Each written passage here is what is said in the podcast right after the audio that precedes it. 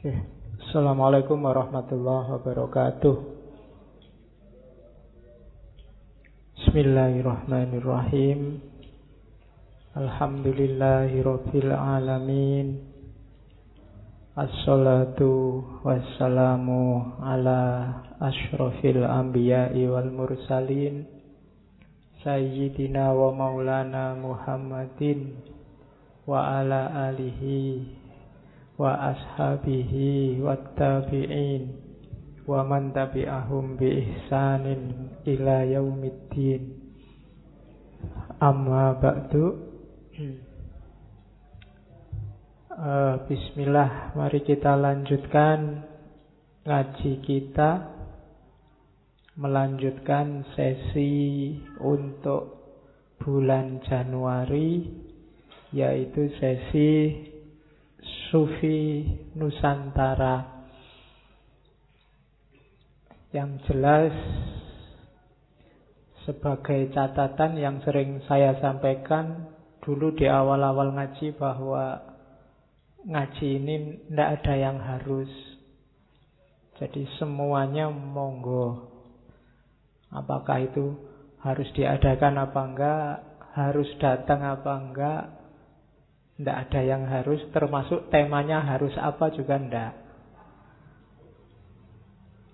Banyak yang ngemail atau mention di Facebook minta tema ini, minta tema itu. Yo, jawabannya cuma insya Allah aja. Yo, siapa tahu pada saatnya tema itu muncul. Atau tiba-tiba ketika ditawari tema itu saya tertarik bahas. Bisa saja yang mintanya belakangan munculnya di awal, yang sudah lama minta tidak muncul-muncul. Tidak boleh kecewa ya, karena tidak ada yang harus. Pokoknya manut moodnya lah. Kalian juga tidak usah tanya kenapa Sufi Nusantara yang diangkat kok beliau-beliau ini kan masih banyak yang lebih dahsyat. Situ mainnya kalau kayak orang Jawa kayak pulung lah yang muncul di kepala siapa yaitu kadang-kadang agak agak nekat juga seperti beliau Syekh Muhammad Arsad ini saya referensi beberapa ada cuma belum saya jelajahi. Begitu terlanjur ngomong bahwa besok ada Muhammad Arsad Banjari, mau tidak mau sedikit banyak harus saya buka lagi bukunya. Jadi resiko karena sudah ngomong Sufi Nusantara dan harus mengangkat Muhammad Arsyad Banjari. Jadi jangan salah, kadang-kadang di ngaji filsafat ini gurunya bukan saya tapi kalian. Kalian yang bikin saya harus baca-baca buku lagi, nengok-nengok ini itu lagi. Kalau kalian kan nggak tinggal ngetes saja saya di sini kira-kira ngomong apa itu di depan.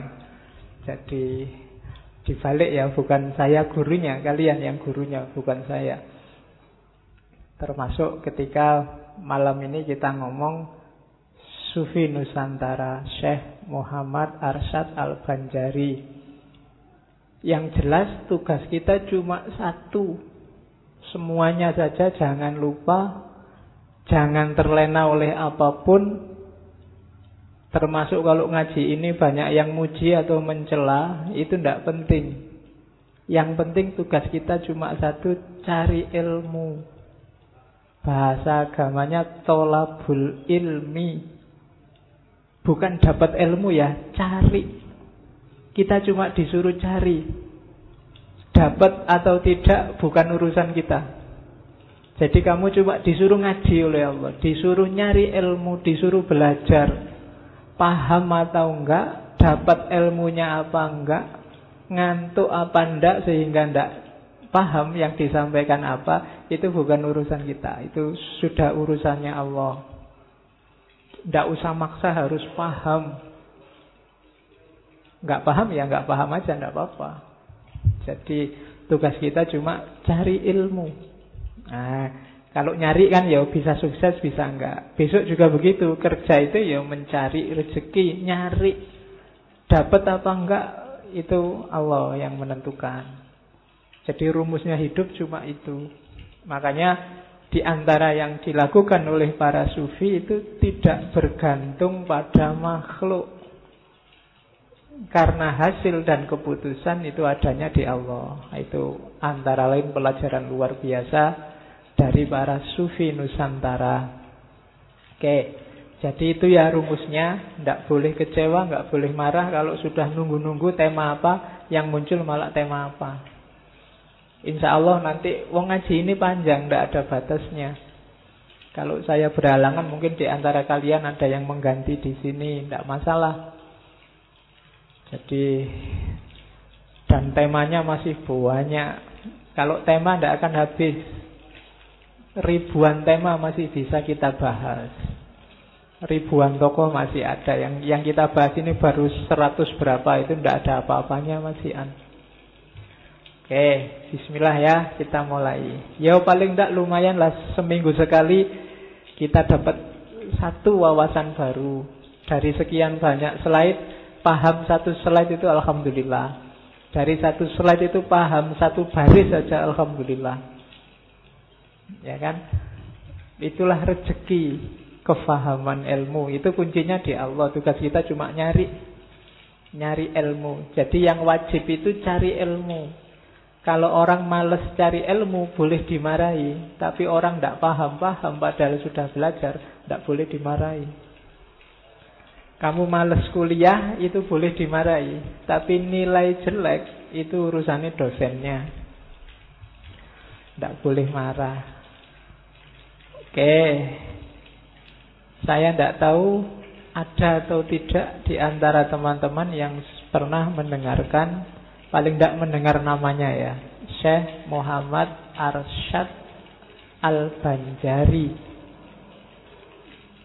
ya dari namanya sudah kelihatan beliau dari Kalimantan ada yang bilang Syekh Arsyad inilah mataharinya Islam Nusantara.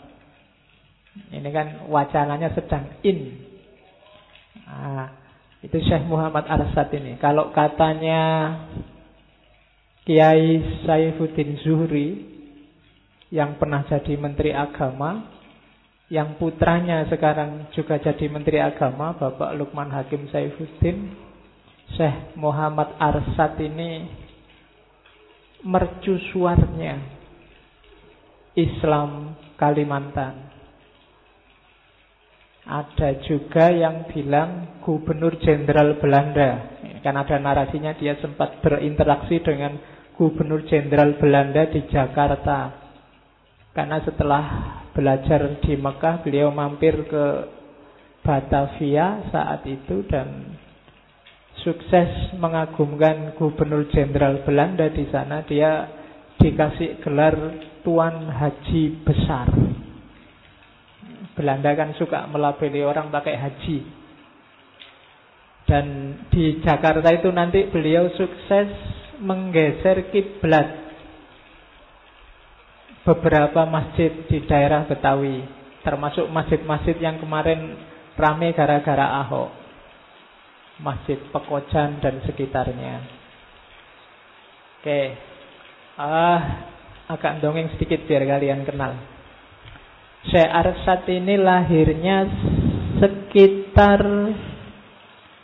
1710 Jadi abad 18 Usianya ada yang bilang 102 tahun Ada yang bilang 105 tahun. Jadi hidupnya satu abad. Lebih dikit Meninggalnya sekitar 105 dikurangi tadi.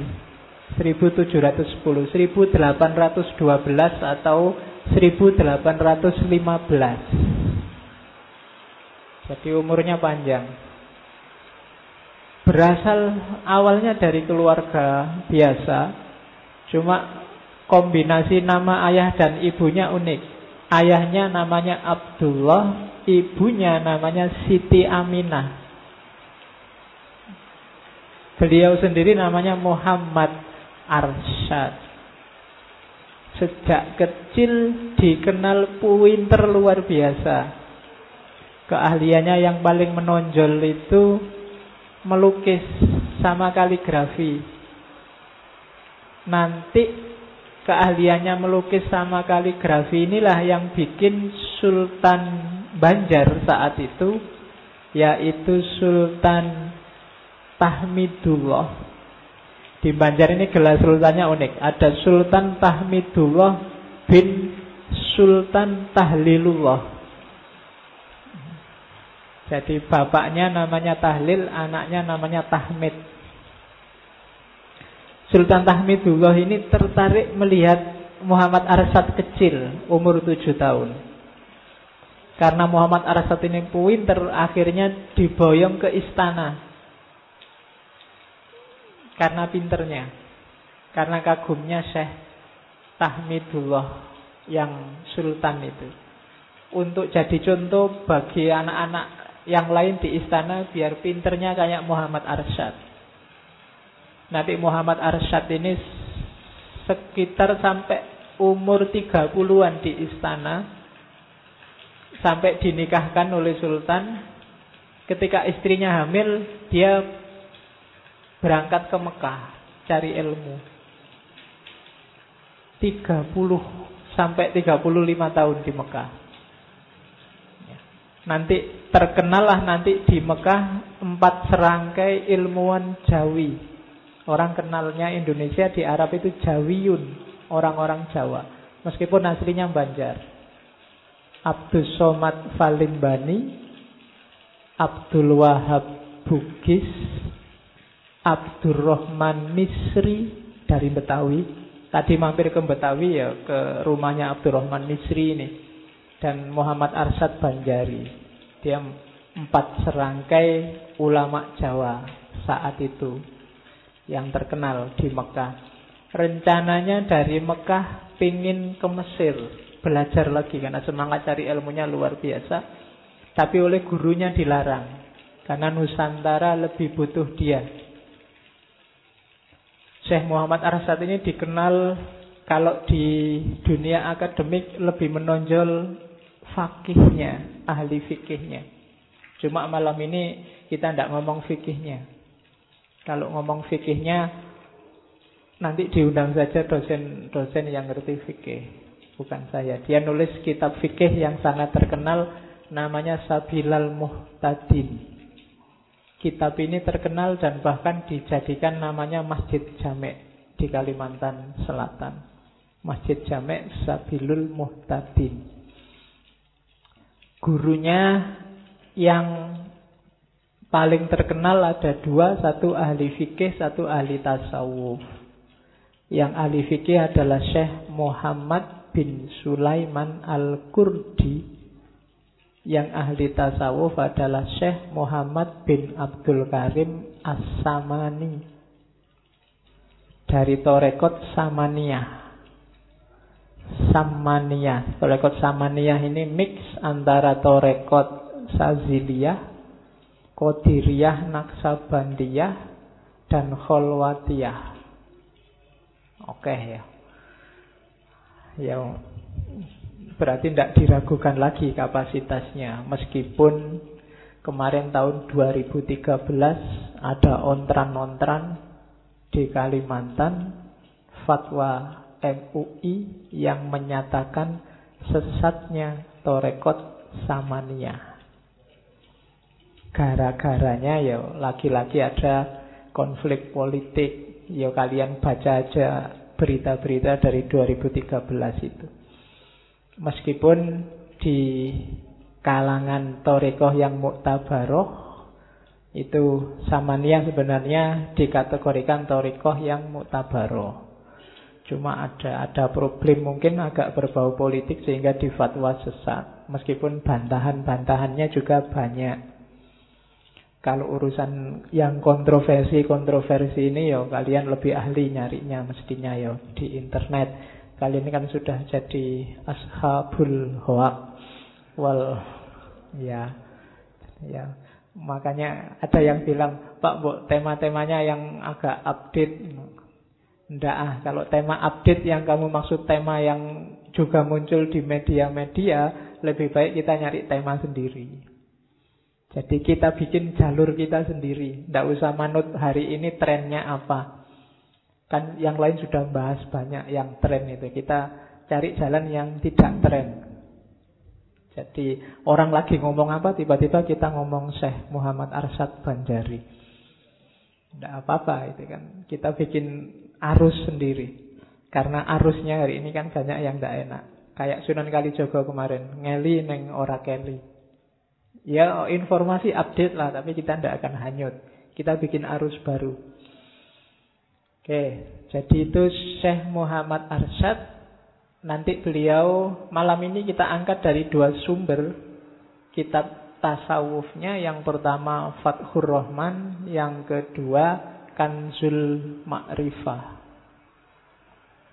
Sebenarnya si Arsad juga nulis mushaf Al-Quran yang besarnya sak koran itu. Yang sekarang masih ada itu. Itu juga karyanya Syekh Muhammad Arsyad Banjari. Di antara peninggalannya Syekh Muhammad Arsyad.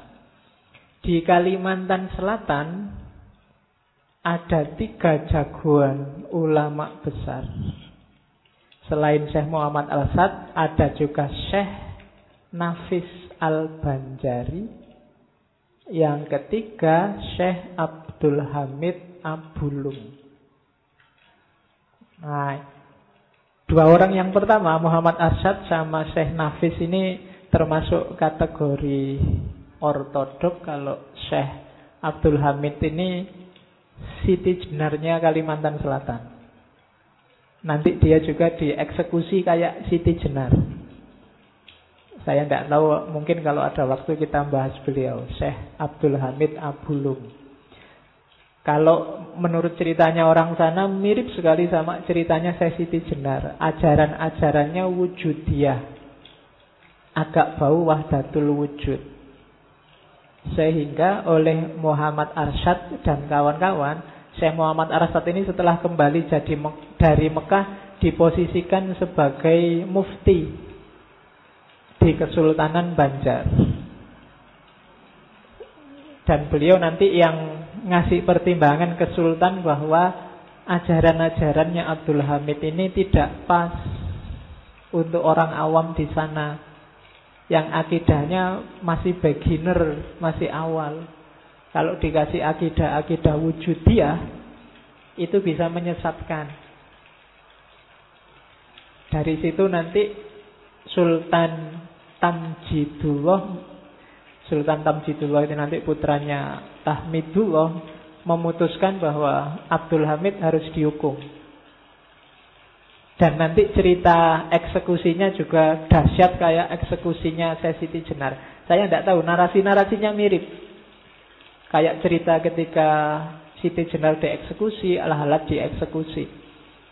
Konon ceritanya waktu dipanggil ke istana, Jawabannya sama kayak saya Siti Jenar. Abdul Hamid dipanggil ke istana. Abdul Hamid nggak ada, yang ada hanya Allah. Terus sama saja disuruh balik. Kalau gitu Allah dipanggil. Allah dipanggil ke istana. Jawabannya Abdul Hamid, Allah tidak bisa diperintah. Mana ada orang merintah-merintah Allah. Ya. Jadi nanti meskipun nanti ya akhirnya datang ke istana. Kalau menurut ceritanya waktu mau masuk ke istana itu dia sudah mau dibunuh. Dilempar pakai tombak. Cuma tombaknya itu begitu menyentuh tubuhnya langsung jatuh. Sampai akhirnya dia dieksekusi, dimasukkan peti, dicemplungkan sungai. Tapi tidak meninggal.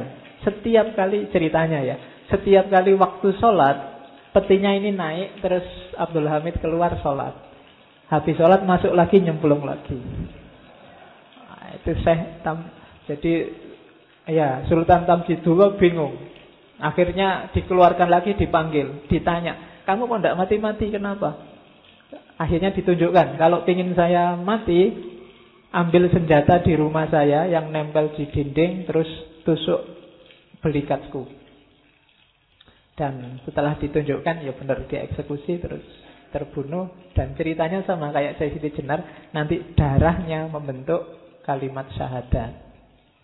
Nah, itu ceritanya Abdul Hamid Abulum yang oleh Muhammad Arsyad dia memang harus dijauhkan dari masyarakat biar tidak menyesatkan. Itu fatwanya Muhammad Arsyad karena beliau mikir juga orang awam. Gak nyampe. Meskipun nanti kalau kita bacakan Zul Ma'rifah atau Fathur Rahman, konotasi-konotasi ke arah wujud dia sebenarnya juga ada. Cuma memang mungkin pertimbangannya umat. Bukan urusan benar salahnya ajaran. Itu yang dilakukan Muhammad Arsyad. Fatwa-fatwanya yang dikenal saya bilang tadi fikih. Fikih itu misalnya dia bilang yang saya ingat kalau ke kamar mandi asal itu kamar mandinya memang untuk buang air ngadep kiblat tidak apa-apa. Nah, itu dulu kontroversi itu. Tapi bagi saya Arsyad tidak apa-apa. Kalau memang itu khusus untuk buang air. Jadi kalau kalian pas ke WC kok ngedep kiblat, nggak usah kamu balik badan atau ganti sudut pandang, nanti mesti kececeran di mana-mana. Biar aja di situ, wong itu memang tempatnya buang air kok. Apalagi di Kalimantan ada pasar terapung, berarti kan ada jamban terapung. Kalau terapung itu kan jalan, kalau sedang jalan belok ke kiblat emangnya terus susah kamu muter lagi lagi asik ya. Nah, itu fatwanya luar biasa antara lain. Jadi fatwa yang melihat konteks. Nanti ada ada lagi fatwa bahwa zakat itu diutamakan dikasih ke yang produktif. Selain miskin juga masih produktif biar jadi modal. Itu juga baru. Termasuk jangan ngaji keras-keras. Kalau ada orang sholat, orang belajar, orang tidur biar tidak terganggu. Itu menurut saya fatwa luar biasa. Kemarin kan kamu ada yang bilang kok mikrofon jangan keras-keras kalau malam-malam. Kamu kan marah. Padahal itu Syekh Muhammad Arsad sudah sejak awal memfatwakan itu. Yang tertarik fikih silakan dicek di Sabilal Muhtadin. Itu kitab fikihnya Syekh Muhammad Arsyad Al-Banjari. Oke, itu pengantarnya agak panjang biar kalian kenal siapa beliau karena kelihatannya kemarin mendengar nama ini agak asing. Oke, bismillah kita mulai. Yang pertama perlu diteladani dari Syekh Muhammad Arsyad setelah dia kembali dari Mekah dikasih tanah oleh raja dia tidak cuma ceramah dakwahnya, tapi pakai istilahnya beliau sendiri ihyaul mawat. Menghidupkan lahan-lahan mati. Jadi tidak sekedar minta fasilitas dibangunkan pondok atau dibikinkan tempat tinggal, tapi beliau sendiri membangun masyarakat yang pertama-tama membuat tanah produktif, bikin irigasi, bahkan ceritanya beliau bikin sungai mitosnya saat itu dia bikin sungai pakai tongkatnya. Tongkatnya diseret sekian puluh kilo dan seretan tongkat itu nanti hari ini jadi sungai. Namanya Sungai Tuan. Daerah yang dia tempati nanti pondoknya namanya Desa Pagar Dalam. Oke, penghasil limau sampai hari ini dari sana. Itu jasa-jasanya Syekh Muhammad Arsyad. Jadi ihyaul mawat, memberdayakan masyarakat lewat bercocok tanam dan irigasi. Jadi itu yang dilakukan sampai luar biasa besar nanti. Pondoknya dan desanya jadi makmur. Jadi lahannya jadi produktif. Dan Ya di antara karomahnya tadi dia bikin sungai. Cerita-cerita karomahnya Syekh Muhammad Arsad ini ya ndak ndak ndak kalah sama Abdul Hamid tadi. Waktu di Batavia dia sempat dites oleh Gubernur Jenderal Belanda. Dia diuji. Jadi Gubernur Jenderal Belanda ini membawa kelapa. Diuji Syekh Arsad, Syekh Arsad Kelapo ini isinya apa? Jawabnya saya Arsad, isinya ya kelapa. Cuma kelihatannya di kelapa itu ada ikannya. Diketawain sama gubernur jenderal Belanda. Kamu sekolah di mana? Mana ada ikan di dalam pohon kelapa? Tapi begitu dipecah, dibuka, ya benar memang. Di dalam kelapa itu ada ikannya. Dari situ nanti gubernur jenderal Belandanya kagum dan antara lain itulah nanti yang beliau dikasih gelar Tuan Haji Besar. Jadi karomahnya banyak yang dikenal. Nanti kalau teman-teman jalan-jalan ke Kalimantan Selatan, mungkin MJS Project mau ke sana, ya silahkan mampir ke makom termasuk salah satu makom wali yang rame kalau di sana di daerah Martapura. Oke. Bismillah ya, itu salah satu jasanya. Kita awali sekarang pikiran-pikiran beliau. Yang pertama, jadi jangan salah ya, Syekh Arsad ini fikihnya fikih Syafi'i. Tasawufnya ya tasawuf Sunni. Lebih dekat ke Syekh Kusairi, lebih dekat ke Imam Ghazali. Ya. Dia tidak terlalu berorientasi ke gaya wujud dia. Jadi pikiran-pikirannya cocok untuk orang-orang awam. Yang biasa-biasa kayak kita lebih nyambung. Tidak terlalu jelimet filosofis. Meskipun saya bilang tadi, konotasi ke arah sana sebenarnya ada kalau kita jeli. Ya, karena lagi-lagi dia kan murid dari Torekot Samania. Yang pertama tentang iman. Dasar ya, nanti iman, tauhid. Cuma dengan pemahaman yang dalam. Tidak seperti yang kita hafalkan selama ini. Itu bedanya ulama sama kita.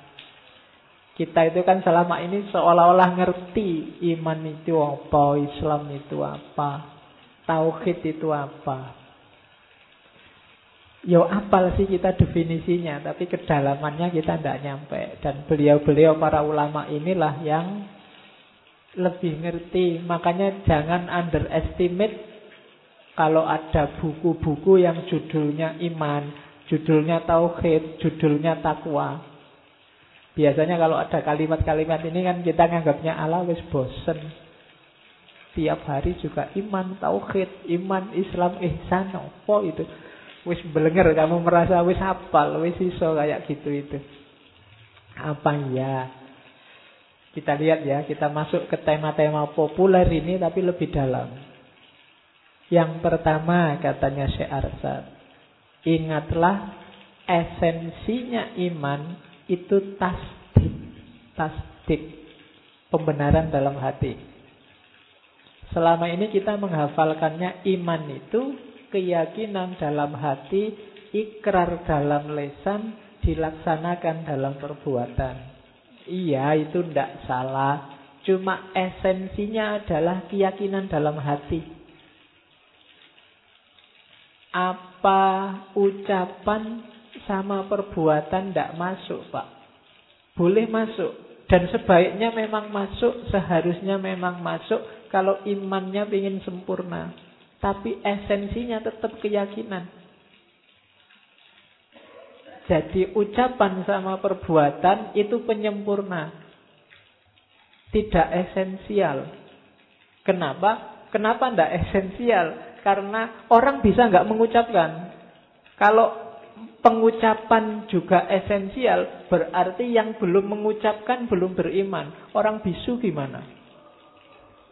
Orang tidak iso bahasa Arab, tidak bisa ngomong gimana? Anak kecil gimana? Kamu yang tidak fasih gimana? Tidak. Kamu boleh mengikrarkan. Pengamalan juga begitu. Kalau pengamalan masuk kategori iman, orang yang tidak mampu gimana? Orang yang pinginnya sholat tapi urung apal. Fatihahnya nggak apal, caranya nggak ngerti. Apa kita anggap dia belum beriman? Maka katanya saya Arsad, ndak iman itu esensinya tasdik. Keyakinan.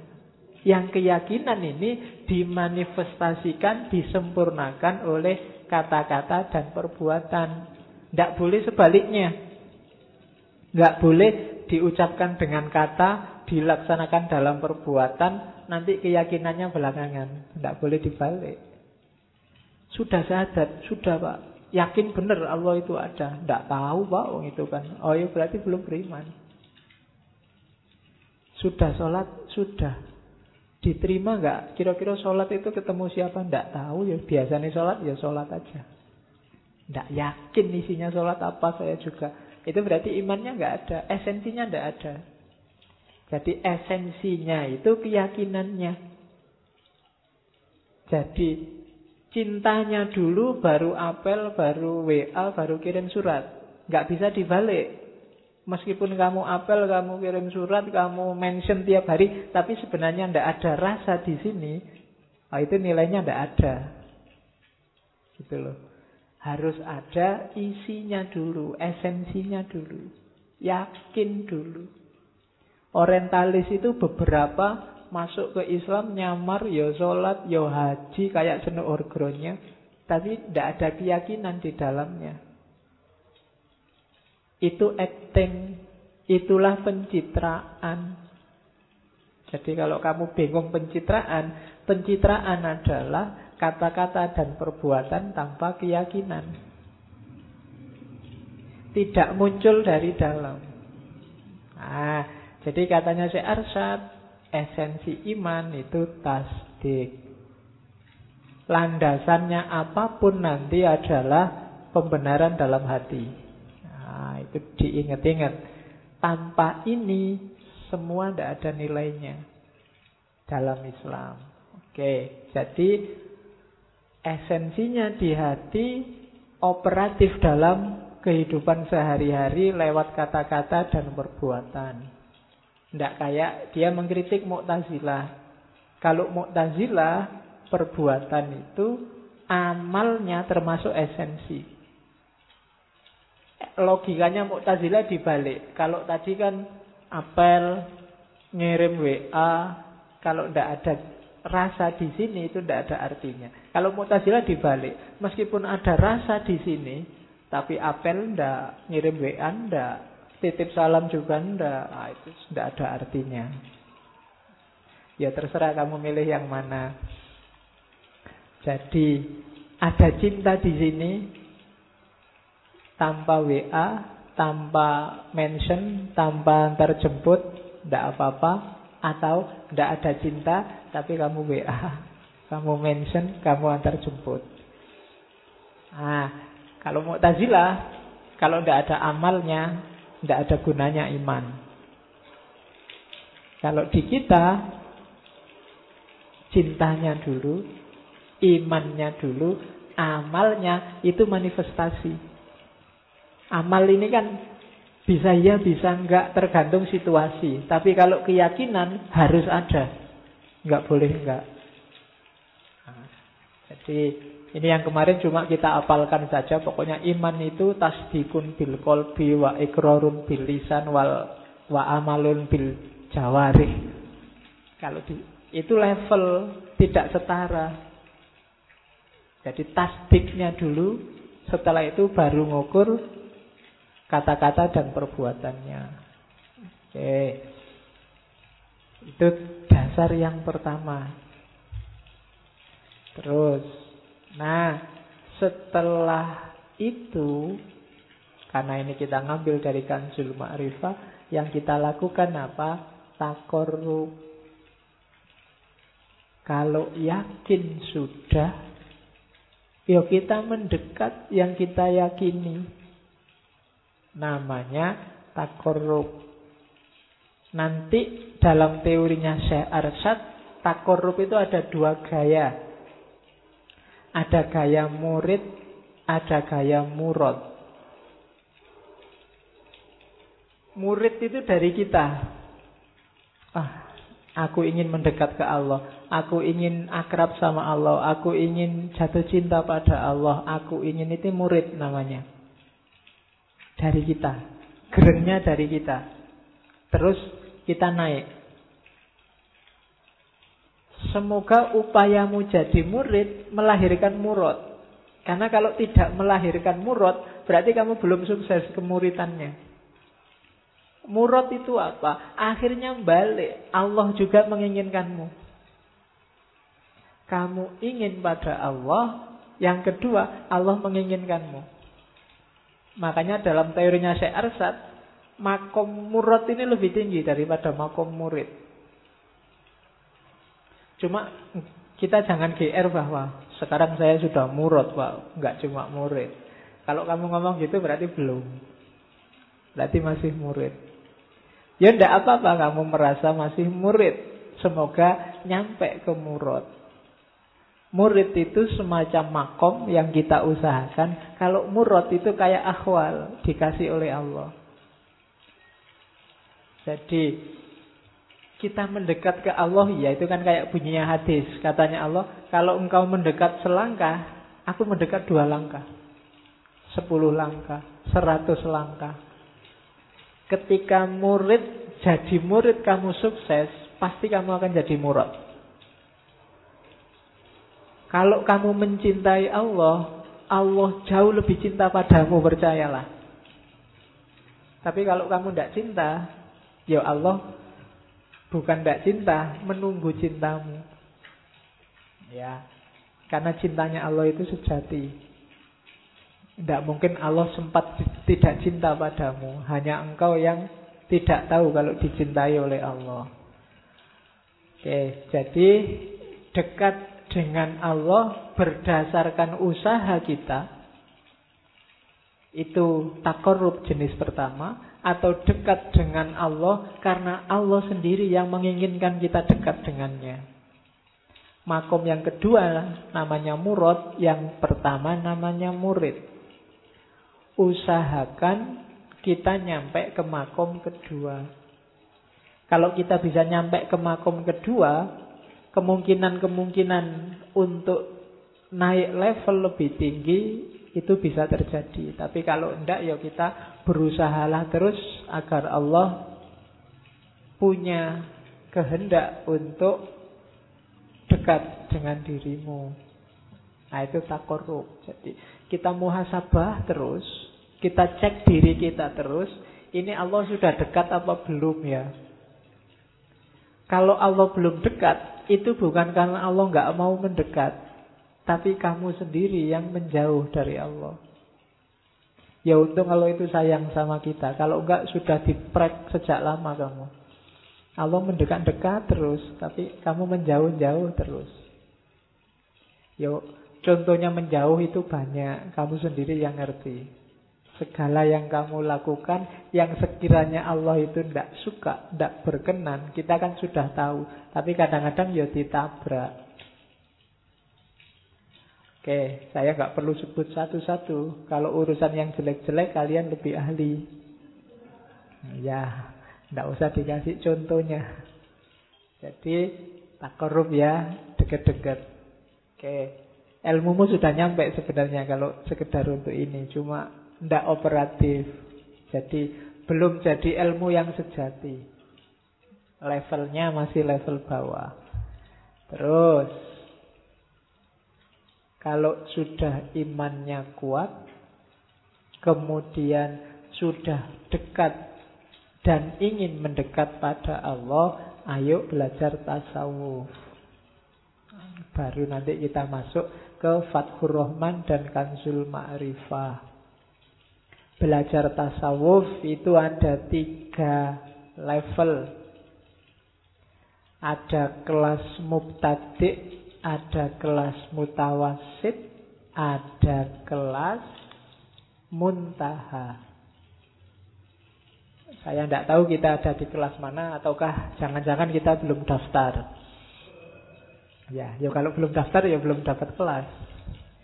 Kelas mubtadi itu Begitu kita daftar, begitu kita berniat untuk belajar tasawuf, kita ada di level awal, kelas mubtadi. Yang pertama harus dilakukan adalah garap akhlaknya, batinnya. Singkirkan segala yang berbau riak, ujub, kibir, bodoh, tamak, dan lain sebagainya. Ini level pemula. Kalau kita nggak sukses di sini, ya tidak akan naik kelas. Kalau masih ada sombong, sekecil apa pun, ada tamak. Tamak itu tidak puas dengan apa pun yang dikasih oleh Allah. Pingin terus. Pingin tambah. Punya istri satu, pingin dua. Punya pacar cantik, pingin yang lebih cantik. Punya uang banyak, pingin yang lebih banyak. Itu kita tidak akan lulus di kelas mubtadi. Riak juga begitu. Baru ngerti pengetahuan bagus dikit aja, dipuamerkan ke mana-mana. Punya grup 13 diposting semua di situ. Padahal cuma copy paste. Ya, ingin menunjukkan bahwa aku lo ngerti nomor satu duluan. Kan cuma itu sebenarnya kamu share itu. Begitu yang lain komentar, ah sudah ada sebelumnya di sini, terus kamu down. Sudah keduluan orang lain kan. Ya, ya pamer itu kan bahasa agamanya ria. Padahal Kadang-kadang orang tidak butuh informasi dari dirimu. Atau jangan-jangan, kan sekarang banyak orang men-share kebencian.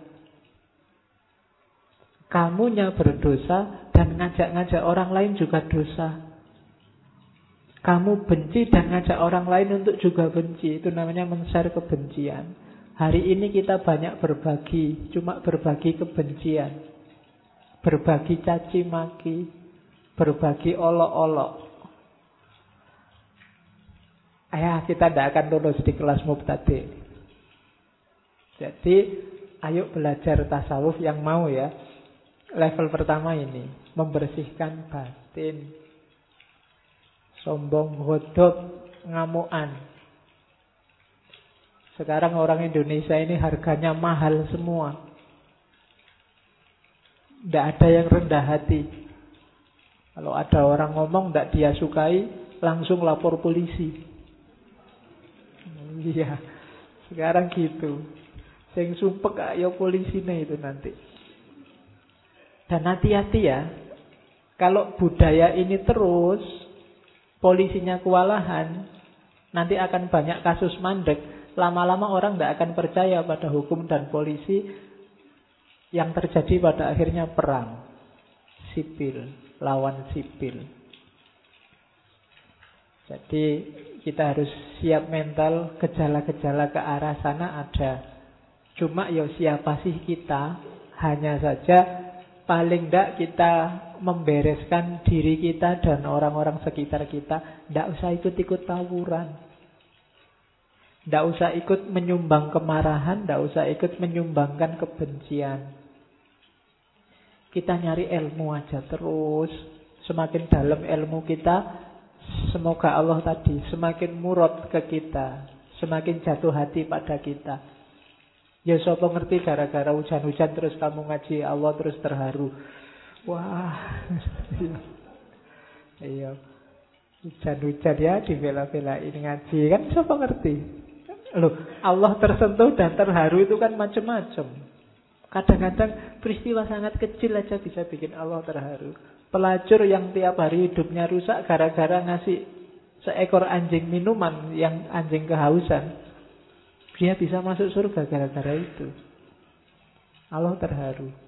Kadang-kadang perbuatan kecil yang tidak ada artinya bikin seorang ulama besar bisa masuk neraka. Kan banyak narasi-narasi semacam itu. Maka hati-hati Jangan melakukan yang kamu tahu jelek secara sengaja. Sopo ngerti Allah tersinggung.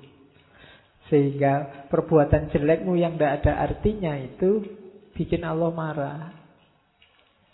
Oke, jadi wadub. Level pertama, bersihkan batin. Di sini kita nggarap akhlak. Terus level pertengahan baru level mutawasid. Kalau sudah bersih, Yang level pertama itu namanya taholli, level kedua tahalli. Orang yang sudah suci terus ngapain? Ya diisi dengan yang baik-baik. Kalau kibirnya ndak ada, tamaknya ndak ada, riaknya ndak ada, baru diisi dengan yang baik-baik. Mbok bareng aja Pak, ndak bisa karena sayiat itu yubhibna hasanat dan sebaliknya hasanat yubhibna sayiat. Kalau bareng dia saling memakan. Bersihkan dulu terus baru diisi dengan kebaikan. Tidak bisa bareng antara korupsi dan sodako. Kan sekarang orang, Pak, saya korupsi satu juta, nanti tak sodakokan seratus ribu. Sodako itu dilipat gandakan tujuh ratus kali lipat. Jadi dapat 7 juta. Korupsi itu kan cuma 1 juta. Pahalanya 7 juta. Jadi masih untung 6 juta saya Pak. Loh, ya kan ngono. Kalkulasi rasionalnya kan begitu. Barang kan ada hadisnya juga. Antara umroh yang satu dengan umroh yang lain. Semua dosanya akan dihapus. Tenang aja kan. Korupsi sekian ratus miliar ndak apa-apa. Nanti kita umroh dua kali. Sebelum korupsi kita umroh, setelah korupsi kita umroh. Dosa di antara dua perbuatan ini dihapus. Oke, yaitu namanya trik dianggap Gusti Allah bodoh. Tidak bisa ngitung. Ya, mutawasid kalau sudah bersih diisi dengan perbuatan-perbuatan yang baik. Ya, namanya tahalli. Isilah dengan sabar, isilah dengan kona'ah, isilah dengan mahabbah cinta, isilah dengan muru'ah, isilah dengan uzlah dan seterusnya. Setelah batin bersih, dimulailah suluk. Ya, dari kata-kata salaka, menempuh jalan. Ayo sekarang menempuh jalan. Orang sering menyebutnya jalan sunyi karena nggak banyak orang tertarik lewat jalan ini. Jalan ini sepi. Orang lebih suka memanjakan hawa nafsunya. Maka levelnya mutawasid. Nanti ada level yang ketiga namanya level muntaha. Level puncak di dunia sufi kadang disebut level tajalli. Ketika orang nyampe level ini, dalam hidupnya sudah nggak ada apa-apa, nggak ada siapa-siapa selain Allah. Hanya tinggal Allah saja. Semua yang lain, baik dirinya sendiri ataupun dunia ada di belakang. Tidak penting lagi. Itu level muntaha. Bukan berarti tidak butuh terus tidak makan, tidak minum, tidak kawin. Tidak. Ya tetap makan, tetap minum, tetap kawin. Cuma kenikmatan dunia ini dalam rangka Allah. Demi tetap dekat sama Allah, demi tetap bisa ketemu sama Allah. Nah, itu orang di level muntaha. Nah, di level mubtadiknya Syekh Muhammad Arsad itulah yang saya sebut tadi. Nanti beliau berguru pada Syekh Muhammad bin Abdul Karim As-Sammani Al-Madani karena tinggalnya beliau di Madinah dari Torekot Samaniyah. Nanti ada narasi dari Syekh Abdus Somad Al-Falimbani. Jadi gurunya Syekh Abdul Karim Samani ini menyuruh paling tidak 100 kitab harus dikhatamkan di level muktadi. Ya. Nah, dia menunjukkan sarannya gurunya. Bagi orang-orang mubtadi paling tidak kita di awal-awal bacalah risalah Kusairiyahnya Imam Kusairi atau Ihya Ulumuddinnya Ghazali. Begitu naik kelas baca kitab Khizib. Saya bilang tadi Samaniyah ini mix antara Saziliyah, Kholwatiyah, Kitab-kitab Saziliyah kan dalam suluknya terkenal hizib-hizib. Dan Saziliyah kan dari Afrika Utara. Itu untuk level mutawasid. Kenapa suluk yang hizib, doa-doa semacam ini di level mutawasid, biar nggak salah guna. Tanpa melewati mubtadi, banyak orang yang shortcut langsung baca hizib demi ini. Bacalah ini 40 kali maka perempuan mana yang tidak akan nempel padamu. Akan sering-sering kayak gitu. Jadi tujuannya bisa jelek, bisa salah orientasi. Biar tidak salah orientasi sebelum mengamalkan suluk, zikir wirid yang macam-macam harus melalui makom mubtadi dulu, bersihkan batinnya dulu. Makanya belajar tasawuf jangan kesusu pingin sakti. Kamu yang mau incer kan selalu saktinya itu. Kita baca sekian ribu kali, maka apa yang kita inginkan, wah, wes. Kamu ke situ duluan yang kamu incer. Itu menunjukkan kamu loncat kelas. Bahaya bagi dirimu sendiri. Seandainya dapat itu nanti jadi sumber kejatuhanmu, bukan sumber kenaikanmu. Jadi sumber kamu jatuh ke bawah karena kamu jadi sombong, merasa besar, merasa penting, merasa sakti dan lain sebagainya. Jadi laluilah step-stepnya dengan bagus biar gak tersesat. Baru setelah itu level muntaha, level tinggi. Di level ini boleh sekarang kita buka tasawuf-tasawuf falsafi, Ibnu Arabi, Rumi, dan kawan-kawan. Yang kemarin agak rumit, jelimet, itu levelnya muntaha. Jangan ujuk-ujuk wahdatul wujud, pusing kamu. Iya. Saya sudah wahdatul wujud, Pak. Saya ini Allah, rusak dunianya. Pelan-pelan, jangan kesusu.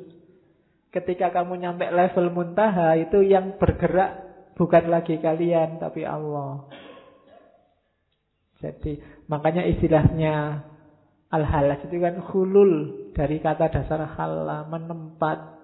Allah yang datang ke kita, bukan kita yang masuk ke dirinya Allah. Jadi seizin Allah sesuai ridhonya Allah. Itu level muntaha. Cuma katanya Abdul Somad Palimbani, hati-hati benar di level ini. Jangan diajarkan sembarangan kayak Abdul Hamid Ab bulung tadi. Bukannya salah, cuma masyarakat yang tidak ngerti nanti shortcut ke situ. Beberapa aliran kebatinan ada yang langsung shortcut ke sana. Akhirnya kan mungkin kalian pernah dengar istilah ilmu hikmah. Ilmu hikmah itu definisinya geser, bukan kayak hikmahnya filsafat, tapi ilmu kesaktian, ketikjayaan, dibacok tidak mempan, ditembak meleset, kan gitu. Dan itu yang kamu kejar-kejar.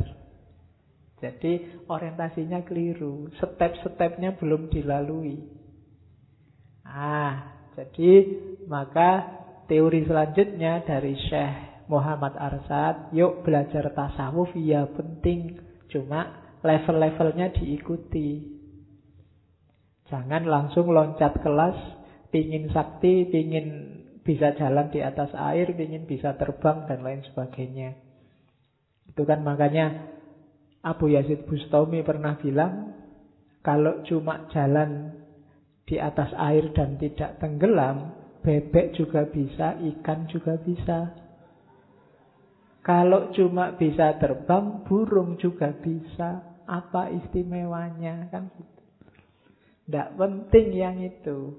Makanya dalam dunia tasawuf kan karomah itu ujian bagi seorang sufi. Kalau sudah dapat itu mau ngapain? Kalau makomnya belum nyampe, levelnya belum nyampe, keistimewaan semacam ini justru menjatuhkan dan menjauhkan kita dari Allah. Jangan seneng-seneng kalau tiba-tiba kamu sakti. Saya ngomong itu loh Pak, kejadian beneran. Apa ndak sakti aku? Yo, sakti. Nah, percaya toh kata-kataku. Wah, itu spot itu. Berarti levelmu belum nyampe ke sana. Kan kamu sering, wah, Allah itu kelihatannya sayang banget ya padaku kan sering kalimat-kalimat kayak gitu.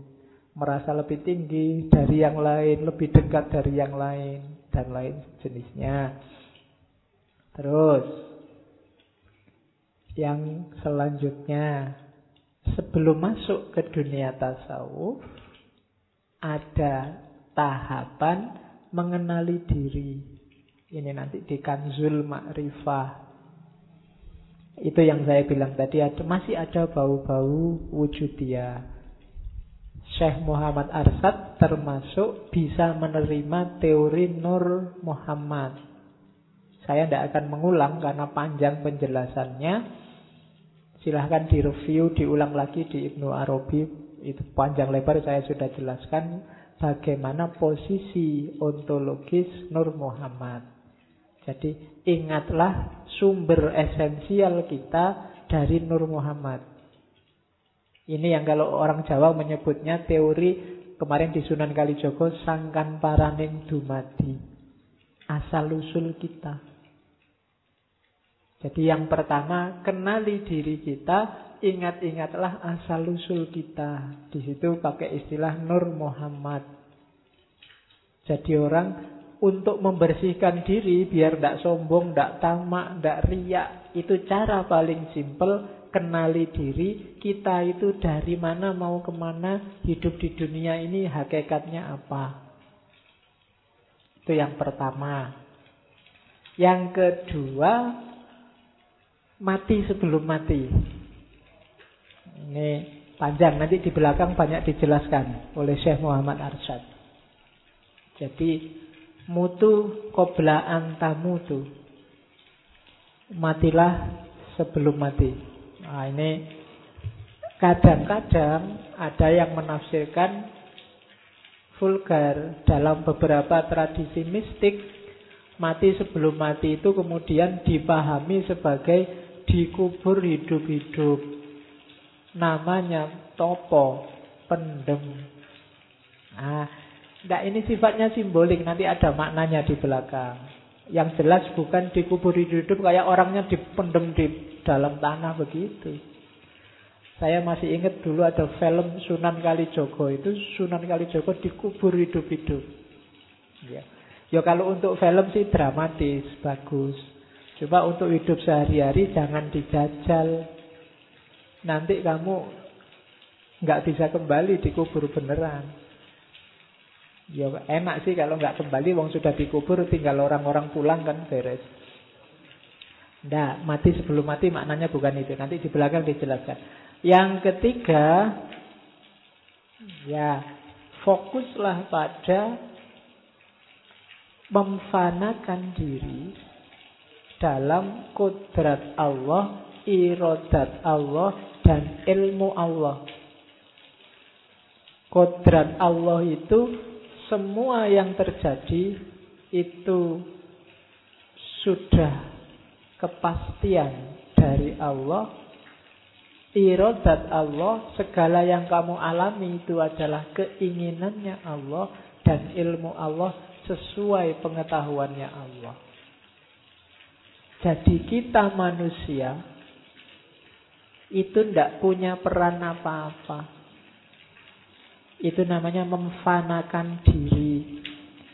Kalau aku pinter, itu sudah kodratnya Allah sesuai keinginannya Allah.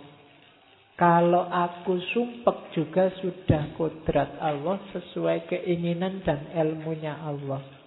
Apa pun yang terjadi padaku sudah kehendaknya Allah. Kalau kita bisa nyampe level ini, kita akan lebih cepat masuk ke makom fana. Kita itu tidak ada artinya apa-apa. Tidak pantas sombong. Bahkan eksistensi kita hakikatnya juga tidak ada.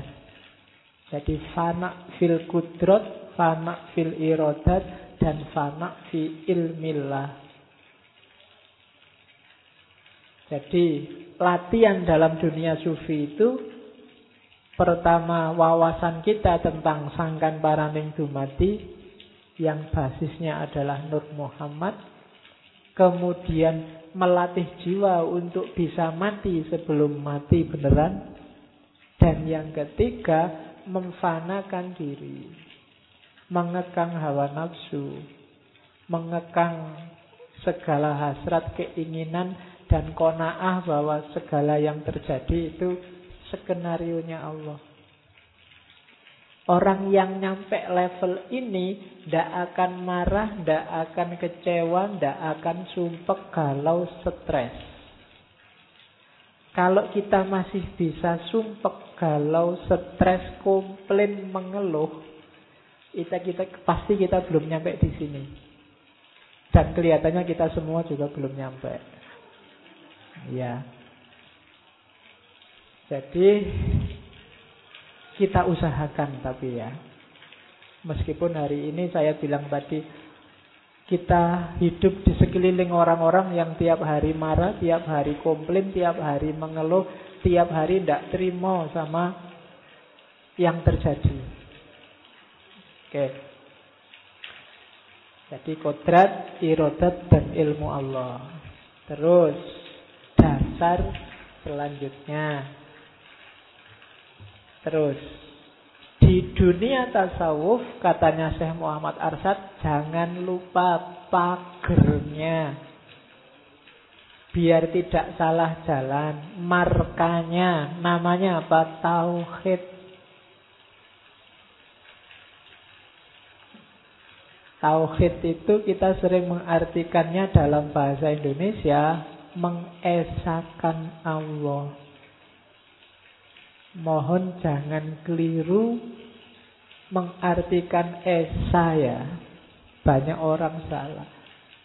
Mengesakan itu mungkin apa kalau itu dari bahasa etat. Esa beda dengan eka. Kalau eka satu. Eka itu satu, kalau esa itu semacam tunggal. Esa itu orientasinya ke keberadaan. Jadi bukan urusan jumlah.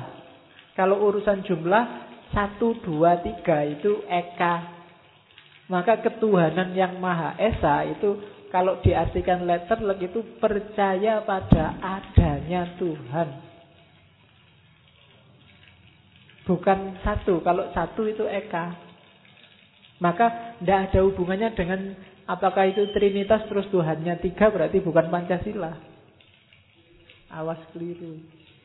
Jadi Esa itu semacam tunggal. Atau kalau disimbolkan pakai komputer ya Satu sama nol. Esa itu satu, lawannya nol. Lawannya apa? Tidak percaya Tuhan. Jadi tidak ada hubungannya sama jumlah. Bukan kok ketuhanan yang Maha Esa itu berarti yang Tuhannya satu Yang Tuhannya banyak itu bukan ketuhanan yang Maha Esa. Tidak, tidak, tidak berkonotasi ke situ Kecuali pakai kata-kata Eka. Kalau Eka satu memang. Ketuhanan yang Maha Eka. Ayo kita ganti gitu nggak apa-apa. Maha satu. Tapi enggak. Makanya pakai istilah Esa. Oke. Jadi yang Trinitas seandainya punya Tuhan tiga sekalipun tidak masalah. Tetap dia percaya adanya Tuhan. Jadi orang Indonesia wajib bertuhan. Ya mungkin boleh kamu diskusikan. Kalau mempertuhankan harta gimana Pak? Mempertuhankan jabatan gimana Pak? Tidak apa-apa itu. Berarti tergolong Pancasilais. Ya. Oke. Ya bisa kamu gali. Kenapa istilahnya kok bukan Tuhan yang Maha Esa tapi ketuhanan? Kalau ketuhanan itu cuma diambil sifatnya loh. Bukan sosoknya. Wah itu diskusinya panjang lagi. Nanti lama-lama kamu kayak Habib Rizik, ganti aja Pancasila. Tunda Indonesia. Oke, terus. Jadi pagernya tasawuf, pagernya suluk kita adalah tauhid. Tauhid itu ya rumusnya simple. La ilaha illallah Cuma itu. Dikatakan gampang, tapi dipraktekkan tidak simpel.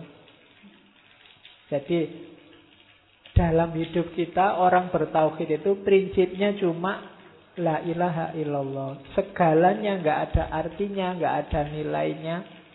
Nggak penting, satu-satunya yang penting hanya Allah. Tidak boleh ada yang kita posisikan di level Allah. Kalau kita posisikan di sana, kalau dalam agama menyebutnya musyrik. Jadi pedomannya cuma ini. Ajaran apa pun, ideologi apa pun, kalau kamu posisikan sebagai pasti mutlak bahkan mengalahkan Allah atau posisinya setara dengan Allah, itu namanya syirik. Tidak boleh. Termasuk nanti kalau dalam sufi, jangan sampai mungkin kamu punya guru, guru itu mengantarkanmu pada Allah. Levelnya tidak sama dengan Allah. Ajaran juga begitu, harus membantu kita semakin dekat pada Allah. Ilmu juga begitu, harus membantu kita semakin dekat sama Allah. Makanya sering saya bilang, suksesnya ngaji ini parameternya simple. Dengan ngaji ini kamu merasa makin dekat sama Allah apa enggak? Kalau enggak, Pak, gara-gara ngaji filsafat itu sekarang saya semakin tidak percaya sama Allah. Ngaji ini gagal. Wong tujuannya enggak itu sebenarnya. Segala yang bikin kamu menyimpulkan begitu, berarti dia nabrak prinsip ini. Coba kamu evaluasi lagi.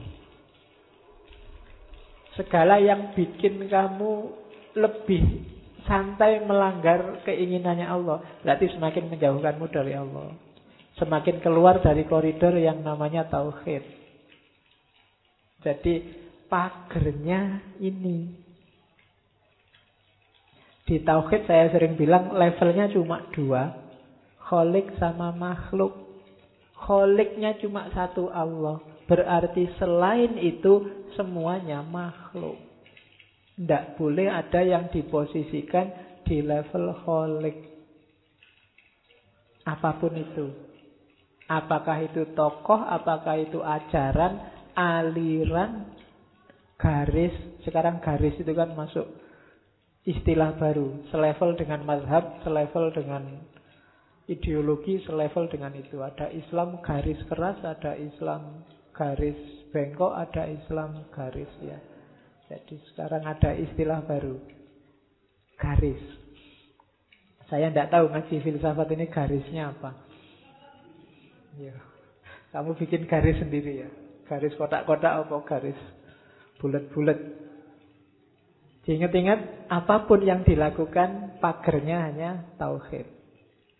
Jangan lupa segala sesuatu levelnya nggak boleh ada di Allah tapi harus bisa mengantarkanmu selangkah lebih dekat dengan Allah.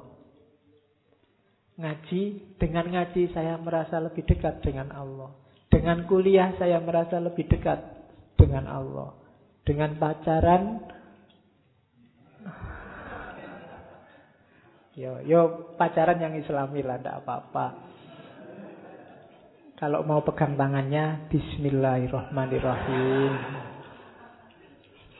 Kalau sudah Alhamdulillahirabbil alamin. Oke. Terus rumusnya ini kalau katanya saya Arsad. Biar kita nggak ketipu, sering-seringlah mewiridkan kalimat ini. La qadirun wala muridun wala alimun wala hayyun wala sami'un wala basirun wala mutakallimun illallah tidak ada yang kuasa, tidak ada yang menghendaki, tidak ada yang maha tahu, tidak ada bahkan yang hidup, yang mendengar, yang melihat, yang bicara. Semuanya hanya Allah mengalami apa pun, kamu sedang sumpek la qadirun wala muridun wala alimun wala hayyun wala samiun wala basirun wala mutakallimun illallah. Barcelona kalah la qadirun wala muridun wala alimun kan gitu. Apa pun yang kamu temui gitu. IP-mu jeblok, E kabeh bijine la qadirun wala muridun wala alimun dan seterusnya. Loh, hidupmu akan lebih tenang. Segalanya dari Allah dan akan kembali ke Allah. Tidak ada yang maha kuasa selain Allah. Tidak ada yang bisa mewujudkan keinginan selain keinginannya Allah. Tidak ada yang tahu maha tahu selain Allah. Bahkan kehidupan ini miliknya Allah. Pendengaran ini miliknya Allah. Penglihatan dan kata-kata ini semua miliknya Allah. Ilallah. Hidupmu tenteram. Ditolak pacarmu lakodirun wala muridun. Itu haknya Allah. Manusia bisa berencana. Ya, Tuhan yang menentukan. Kan gitu. Lebih nyaman. Ya sekarang banyak diplesetkan manusia berencana, saldo juga yang menentukan. Duit piro. Oke, terus. Jadi ini ini semacam mantranya. Ingat-ingatlah kalimat ini, syukur-syukur kamu hafal untuk lebih hidupmu tenang, tidak gampang panik, tidak gampang galau, sering-sering diucapkan berhadapan dengan fenomena hidup yang tidak jelas hari ini, ingat-ingatlah apa pun yang terjadi, la qadirun, wala muridun, wala alimun, wala hayyun, wala sami'un, wala basirun, wala mutakallimun, illallah. Allah saja yang penting. Yang lain hanya untuk Allah dan demi Allah dan karena Allah. Oke, terus. Nah, sekarang levelnya tadi. Levelnya orang bertauhid. Ada level awam, ada level khawas, ada level khawasul khawas. Level awam itu namanya tauhid af'al. Kalau level khawas, tauhid sifat, ada level khawasul khawas, tauhid zat. Istilah ini dikenal awam khawas, khawasul khawas itu dari Ghazali. Jadi orang biasa orang istimewa, orang luar biasa istimewa. Khawasul khawas. Atau kayak levelnya martabak itu ya, biasa, di atas lagi apa? Spesial, nah di atasnya lagi istimewa. Ada di atasnya lagi enggak? Super. Nah, ya. Jadi awam, khawas, khawasul khawas. Yang awam gimana? Saya takutnya yang awam aja kita tidak nyampe. Yang awam itu tauhidul af'al. Yang awam itu apa? Keyakinan kita bahwa semua yang terjadi ini tidak ada yang berbuat kecuali hanya Allah. Semua peristiwa itu dari Allah. Segala yang kelihatannya bukan dari Allah, itu sebenarnya dari Allah. Nanti Syekh Muhammad Asad menjelaskan, termasuk yang jelek-jelek juga Pak. Iya. Loh kalau gitu kejahatan juga takdirnya Allah dong Pak. Kenapa halus? Kejahatan juga takdirnya Allah. Hanya saja syariat melarang mencela kejahatan dan kita harus memedomani syariat. Berarti ya kalau ada orang maling, kalau ada orang bunuh, itu takdirnya Allah juga. Berarti nggak boleh kita salahkan. Harus kita salahkan. Kenapa? Petunjuk dari Allah menyuruh begitu. Kalau ada maling kok bilang, loh ini kan saya maling ditakdirkan oleh Allah. Loh Allah juga nyuruh kalau ada maling harus dihukum. Allah sendiri yang nyuruh. Jadi segalanya memang skenario nya Allah termasuk syariat. Maka yang jelek-jelek juga dari Allah. Cuma Allah menurunkan petunjuk untuk menyikapi yang baik dan yang jelek. Kalau ada yang baik kayak gini, kalau ada yang jelek kayak ini. Tidak boleh kamu, Pak, saya zina ini kan sudah takdirnya Allah, Pak. Di lauhil mahfud sudah ditulis bahwa tanggal sekian saya zina. Jangan salahkan saya. Itu sudah skenario Allah. Tidak. Kamu zina memang skenario Allah. Tapi kamu saya hukum itu juga perintahnya Allah. Kalau ada orang zina harus dihukum. Saya juga tidak mau nyalai perintahnya Allah. Level ini namanya tauhidul af'al. Tidak harus dijawab, lu yang baik-baik dari Allah, yang jelek ya dari manusia sendiri. Tidak, dari Allah juga. Makanya kalau kamu, kan sering orang kalau habis pidato, uh, apa yang saya ucapkan ini, kalau ada yang baik dari Allah, kalau ada yang keliru dari saya sendiri. Tidak bisa. Sejago apa kamu bisa menciptakan perbuatan meskipun yang keliru. Yang salah juga pasti seizin Allah. Kalau Allah nggak mengizinkan, tidak ada yang salah. Jadi level ini namanya tauhidul af'al. Melihat apa pun itu hasil karyanya Allah. Nah, orang yang nyampe ke level ini dan sukses di sini, ini orang yang mengalami sebutannya apa? Wahdatus syuhud. Melihat apa pun, mengalami apa pun yang dia rasakan hanya kehadirannya Allah. Orang yang wahdatus syuhud ini atau wahdatul af'al ini disebut fana fil af'al. Jadi orang yang tenggelam dalam perbuatannya Allah. Di level apa pun yang dia lihat cuma Allah. Noleh ke sini lihat Allah, noleh ke sana lebih Allah lagi. Ya. Jadi tidak ada yang tidak Allah. Di mana pun yang dilihat wajah Allah. Fa'in fa'aina matuwalu fasamma wajullah. Ke mana pun kita menghadap, tidak ada yang tidak wajahnya Allah. Di mana pun wajahnya Allah kelihatan. Oke. Melihat Ahok wajah Allah, melihat Habib Rizik juga wajah Allah di situ. Ya.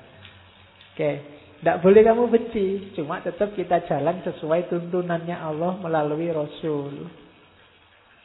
Ya, kalau ada yang keliru, tidak pas, ya jangan diikuti. Jadi, ini namanya tauhidul af'al. Tauhid perbuatan.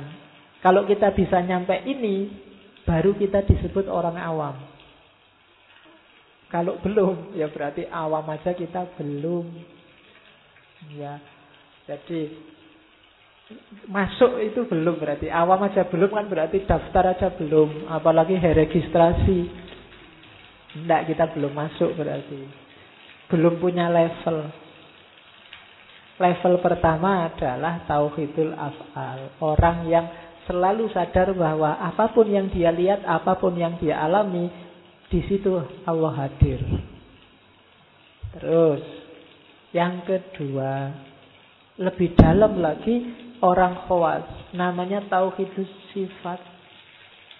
Kalau ini ndak, kalau tadi kan melihat yang di luar dirinya, melihat segala sesuatu. Kalau ini termasuk dirinya sendiri. Segala sifat-sifat, segala karakter dalam dirinya itu juga dari Allah. Ini tingkatannya khawas. Levelnya para aulia katanya Muhammad Arsyad. Orang-orang inilah nanti yang mengalami kasyaf. Kelompok arif. Kalau tadi melihat yang di luar dirinya dengan alat dirinya sendiri, sifatnya juga sifatnya sendiri. Kalau di level kedua ini, dirinya sendiri juga sudah nggak ada. Semua makhluk juga tidak ada. Segala informasi tentang kenyataan, tentang realitas berasal langsung dari Allah. Namanya fana sifat para aulia, para wali. Yang melihat bahwa segalanya tidak ada yang hakiki, yang hakiki hanya Allah. Sifat-sifat baik, sifat-sifat buruk, macam-macam yang ada di alam semesta ini, ya semuanya adalah berasal dari Allah. Itu tauhid sifat. Kita ini hanya majazi. Hakikat kita bukan hakikat sejati. Jangan merasa ada, jangan merasa sombong, wong ada kita aja ndak mesti. Tergantung Allah. Jangan bangga dengan kebaikanmu, kepinteranmu, kebisaanmu. Wah, saya baik sekali Pak, tadi bantu orang. Enggak. Itu bukan dirimu. Izin Allah dan kehendak Allah yang bikin kamu berniat dan mampu membantu orang lain. Sama sekali nggak ada jasamu. Makanya kita harus selalu bersyukur. Alhamdulillah. Segala pujian itu yang punya hanya Allah. Pujian apa pun. Kamu dipuji ganteng. Ganteng tidak dari dirimu. Cakep tidak dari dirimu. Dari Allah. Jadi yang berhak dipuji bukan kamu tapi Allah. Kalau kamu pinter, yang berhak dipuji bukan kamu tapi Allah. Kalau kamu apa pun yang kamu alami, yang berhak mendapat pujian hanya Allah, maka alhamdulillah. Terus-teruslah membaca Alhamdulillah. Karena betapa pemurahnya Allah atas segala yang kita miliki hari ini. Level kedua para wali. Namanya Tauhidus Sifat. Level ketiga ini level para nabi. Katanya Syekh Arsad yang bisa nyampe ke sini hanya para nabi. Ini nanti yang punya konotasi fanafizat. Agak berbau wahdatul wujud. Narasinya kayak hadis layak rifu illallah layak kurullah illallah layak rollah illallah. Yang tahu ini hanya Allah. Yang ingat Allah ini bukan aku tapi Allah. Yang melihat Allah juga bukan aku tapi Allah level ini khawasul khawas. Kalau di Muhammad Arsad ini para ambia. Yang boleh ditafsirkan orang-orang yang langsung dikontrol oleh Allah. Para nabi kan begitu. Wala yantiku anil hawa. Dia ndak bukan karena keinginannya kalau dia ngomong. In huwa illa wahyu yuha. Tapi dikte dari Allah. Dikte tidak hanya kata-katanya tapi juga perbuatannya. Berarti semuanya itu Allah. Layak rifu illallah, layak kuru illallah, walayarallah illallah. Jadi kalau ini Nabi yang bisa. Apa orang biasa, wali misalnya Pak, nggak bisa nyampe makom ini. Kalau di Muhammad Al-Asad enggak. Kalau wali merasa nyampe makom ini, saat dia merasa saat itu juga makomnya jatuh. Susah ya. Bahkan orang yang merasa wali pun pasti bukan wali. Kalau ada yang mewalikan dirimu, mas, sampai ini tak pikir-pikir kok wali ya, mesti ndak. Ya tanyalah yang bilang gitu, sampean wali apa ndak? Ndak, ya pasti ndak, karena layak riful wali illal wali. Jadi dan saya lupa baca di mana di antara cirinya wali adalah binatang-binatang buas tidak akan mau menyakitinya. Jadi kalau ada orang wali, tangkaplah, masukkan ke kandangnya macan. Kalau nggak dimakan oleh macannya berarti wali beneran. Kalau dimakan oleh macannya, kamu masuk penjara. Ya, jadi tidak boleh ada orang merasa wali. Kamu nganggap orang lain wali tidak apa-apa. Dalam rangka biar kamu sendiri tidak sombong. Ada orang nyapu-nyapu pinggir jalan. Mau kamu lecehkan kamu, ah ini nyapu, orang nyapu ini makomnya rendah. Aku yang mahasiswa, aku yang dosen lebih tinggi. Biar nggak begitu, walikan dia. Jangan-jangan dia wali. Jangan-jangan Allah cinta padanya dan Allah sebel padaku. Nah, biar kamu tidak sombong. Ada temenmu kok bodoh. Jangan-jangan temanku yang bodoh ini lebih disukai oleh Allah daripada aku yang pinter. Karena dalam kebodohannya dia pasrah, nerima, ridho, sementara dengan kepinteranku, aku banyak menyusahkan orang lain. Ah, itu Abdul Qadir Jailani yang ngasih rumus kayak gitu. Kalau ketemu orang lebih tua, anggaplah yang lebih tua itu amalnya lebih banyak. Sementara kita yang masih muda, lebih sedikit amalnya. Kalau ketemu yang lebih muda, anggaplah yang lebih muda itu dosanya lebih sedikit. Sementara kita yang tua, dosanya lebih banyak. Kalau ketemu orang pinter, pastikan bahwa kita lebih rendah dari dia karena dengan kepinterannya, pasti amalnya bikin dia lebih diridhoi oleh Allah karena dia pinter. Kalau ketemu orang bodoh, ingatlah bahwa mungkin dia melakukan dosa kesalahan, tapi karena dia bodoh dia tidak tahu. Jadi dimaafkan oleh Allah wong orang tidak tahu. Sementara kita banyak melakukan kesalahan, wong padahal kita pinter ngerti kalau itu salah. Jadi di hadapan orang bodoh pun jangan merasa sombong. Orang bodoh itu kalau salah, dia bisa dimaafkan, wong dia nggak tahu memang bodoh. Sementara yang kita ilmunya banyak, kadang-kadang dosanya lebih banyak. Dan seterusnya. Jadi selalu ambil di bawahnya, biar nggak sombong. Sombong itu tidak ada untungnya sedikit pun. Dalam ilmu pun kalau kita sombong, alamat kita selesai. Sombong dalam ilmu itu kan merasa yang paling benar. Merasa yang paling pas ilmunya. Merasa yang paling ngerti dan seterusnya. Jadi secara individu jangan nyampe ke ranah ini. Meskipun mungkin besok kamu jadi ketua MUI. Ya, secara individu ya. Mungkin secara kelembagaan dibutuhkan kepastian-kepastian. Tapi mentalitasmu secara individu harus yang aku ngerti ini masih belum. Karena siapa tahu besok ada yang lebih benar. Cuma sampai hari ini menurutku yang paling benar ini. Ya wallahu a'lam sih tapi semoga Allah meridhoi sampai sini cuma kapasitasku ngerti kebenaran. Terus Selanjutnya Syekh Muhammad Arsyad ngajari kita jangan dibingungkan. Loh kalau sudah sufi apa ya harus sholat pak? Kan banyak yang gitu. Kita makomnya sufi, sholat tidak penting lagi. Tidak.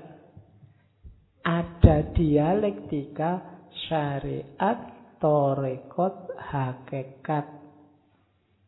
Islam yang kafah itu tiga-tiganya. Tidak boleh ada yang hilang. Syariat itu ketetapan Allah, jalan yang dikasih oleh Allah ke kita untuk kita tempuh. Ya jalan fisik nanti namanya fikih, jalan batin namanya tasawuf. Jadi syariat itu syarat. Jadi petunjuk agama Islam itu kan syariat din yang dikasih Allah ke kita. Ini petunjuk. Syariat ini nggak ada gunanya kalau tidak kita jalankan. Cuma menjalankannya ya jangan ngawur. Harus jelas orientasi, maksud, tujuannya, arahnya, levelnya. Ketika kita menjalankan namanya torekot. Torekot itu kan jalan. Ajaran tadi tidak ada gunanya kalau kita tidak masuk ke ranah torekot. Torekot berarti apa? Perjalanan. Tujuannya apa? Semakin dekat dengan Allah. Ya nanti ada sih yang ngarang jalan sendiri Pak. Yang penting kan dekat sama Allah tuh Pak. Tak ngarang sendiri aja, tidak bisa. Ya mungkin bisa ketemu Allah, tapi kalau Allah nggak berkenan gimana? Wong Allah sudah ngasih tahu, kayak kita bikin rumah, terus bikin pintu. Eh yang mau ketemu saya lewat pintu itu ya. Meskipun di sana ada jendela-jendela. Kalau kamu nekat lewat jendela, nggak lewat pintu, itu yang punya rumah bisa tersinggung. Meskipun kalau lewat pintu, kamu bisa ketemu yang punya rumah. Itu syariat. Jadi jalan yang diberikan oleh Allah. Kalau mau dekat padaku, kalau mau ketemu aku, lewat jalan ini loh. Yang wajib-wajib ini, yang sunnah-sunnah ini. Jangan ngarang sendiri. Ya. Ada sih bagian-bagian yang bisa kita istihati sendiri, cuma jangan lupa pintu besarnya. Begitu keliru, ya mungkin ketemu Allah, tapi nanti kalau Allah manggil satpamnya, kamu bisa dipentungi. Ya, ya satpamnya malaikat. Jadi itu syariat dan torekot. Syariat tidak ada gunanya tanpa torekot. Torekot tanpa syariat ngawur. Tidak bisa. Pak, saya sholatnya kurang kusuk, Pak. Saya itu bisa tenang kusuk kalau ada musik, Pak. Jadi boleh ya, Pak, sholatnya pakai headset misalnya. Jadi sambil sholat kamu dengerin kitaro, kamu dengerin tenang sekali Pak saya sholatnya kusuk bisa sambil nangis-nangis sambil dengerin lagu-lagunya tidak bisa ya mungkin pikiranmu nyampe ke Allah tapi Allah tidak berkenan. Allah sudah ngasih rumus. Kalau ingin dengerin lagu, ingin batinmu tenang, jangan dalam wilayah sholat. Ketika sholat, Allah ingin ngobrol padamu secara privat, tidak terganggu apa pun yang lain. Dengan etika yang sudah dirumuskan itu. Itu torekot sama syariat. Kalau kita sudah paham syariat dan menjalankan torekot, kita akan ketemu hakikat. Hakikat itu kebenaran. Kita jalan menuju Allah dan sampai tujuannya ketemu Allah beneran dengan berbagai wujud level dan modenya, di situlah kita akan ngerti hakikat. Hakikat itu ketika kita manduk-manduk, oh ini toh maksudnya. Ini tuh rahasianya. Kayak gini tuh kebenarannya. Itu namanya hakikat. Dari kata-kata hak. Ah, ternyata hidup ini tidak penting. Oh, ini tuh indahnya akrab sama Allah itu. Itu hakikat.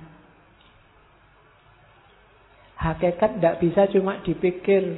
Hakikat tidak bisa cuma dari aktivitas. Harus masuk ke dalam ngerti rahasia-rahasia, ngerti pengetahuan-pengetahuan yang hanya bisa diperoleh lewat torekot tadi. Makanya, ya pengetahuan bahasa Arabnya makrifat.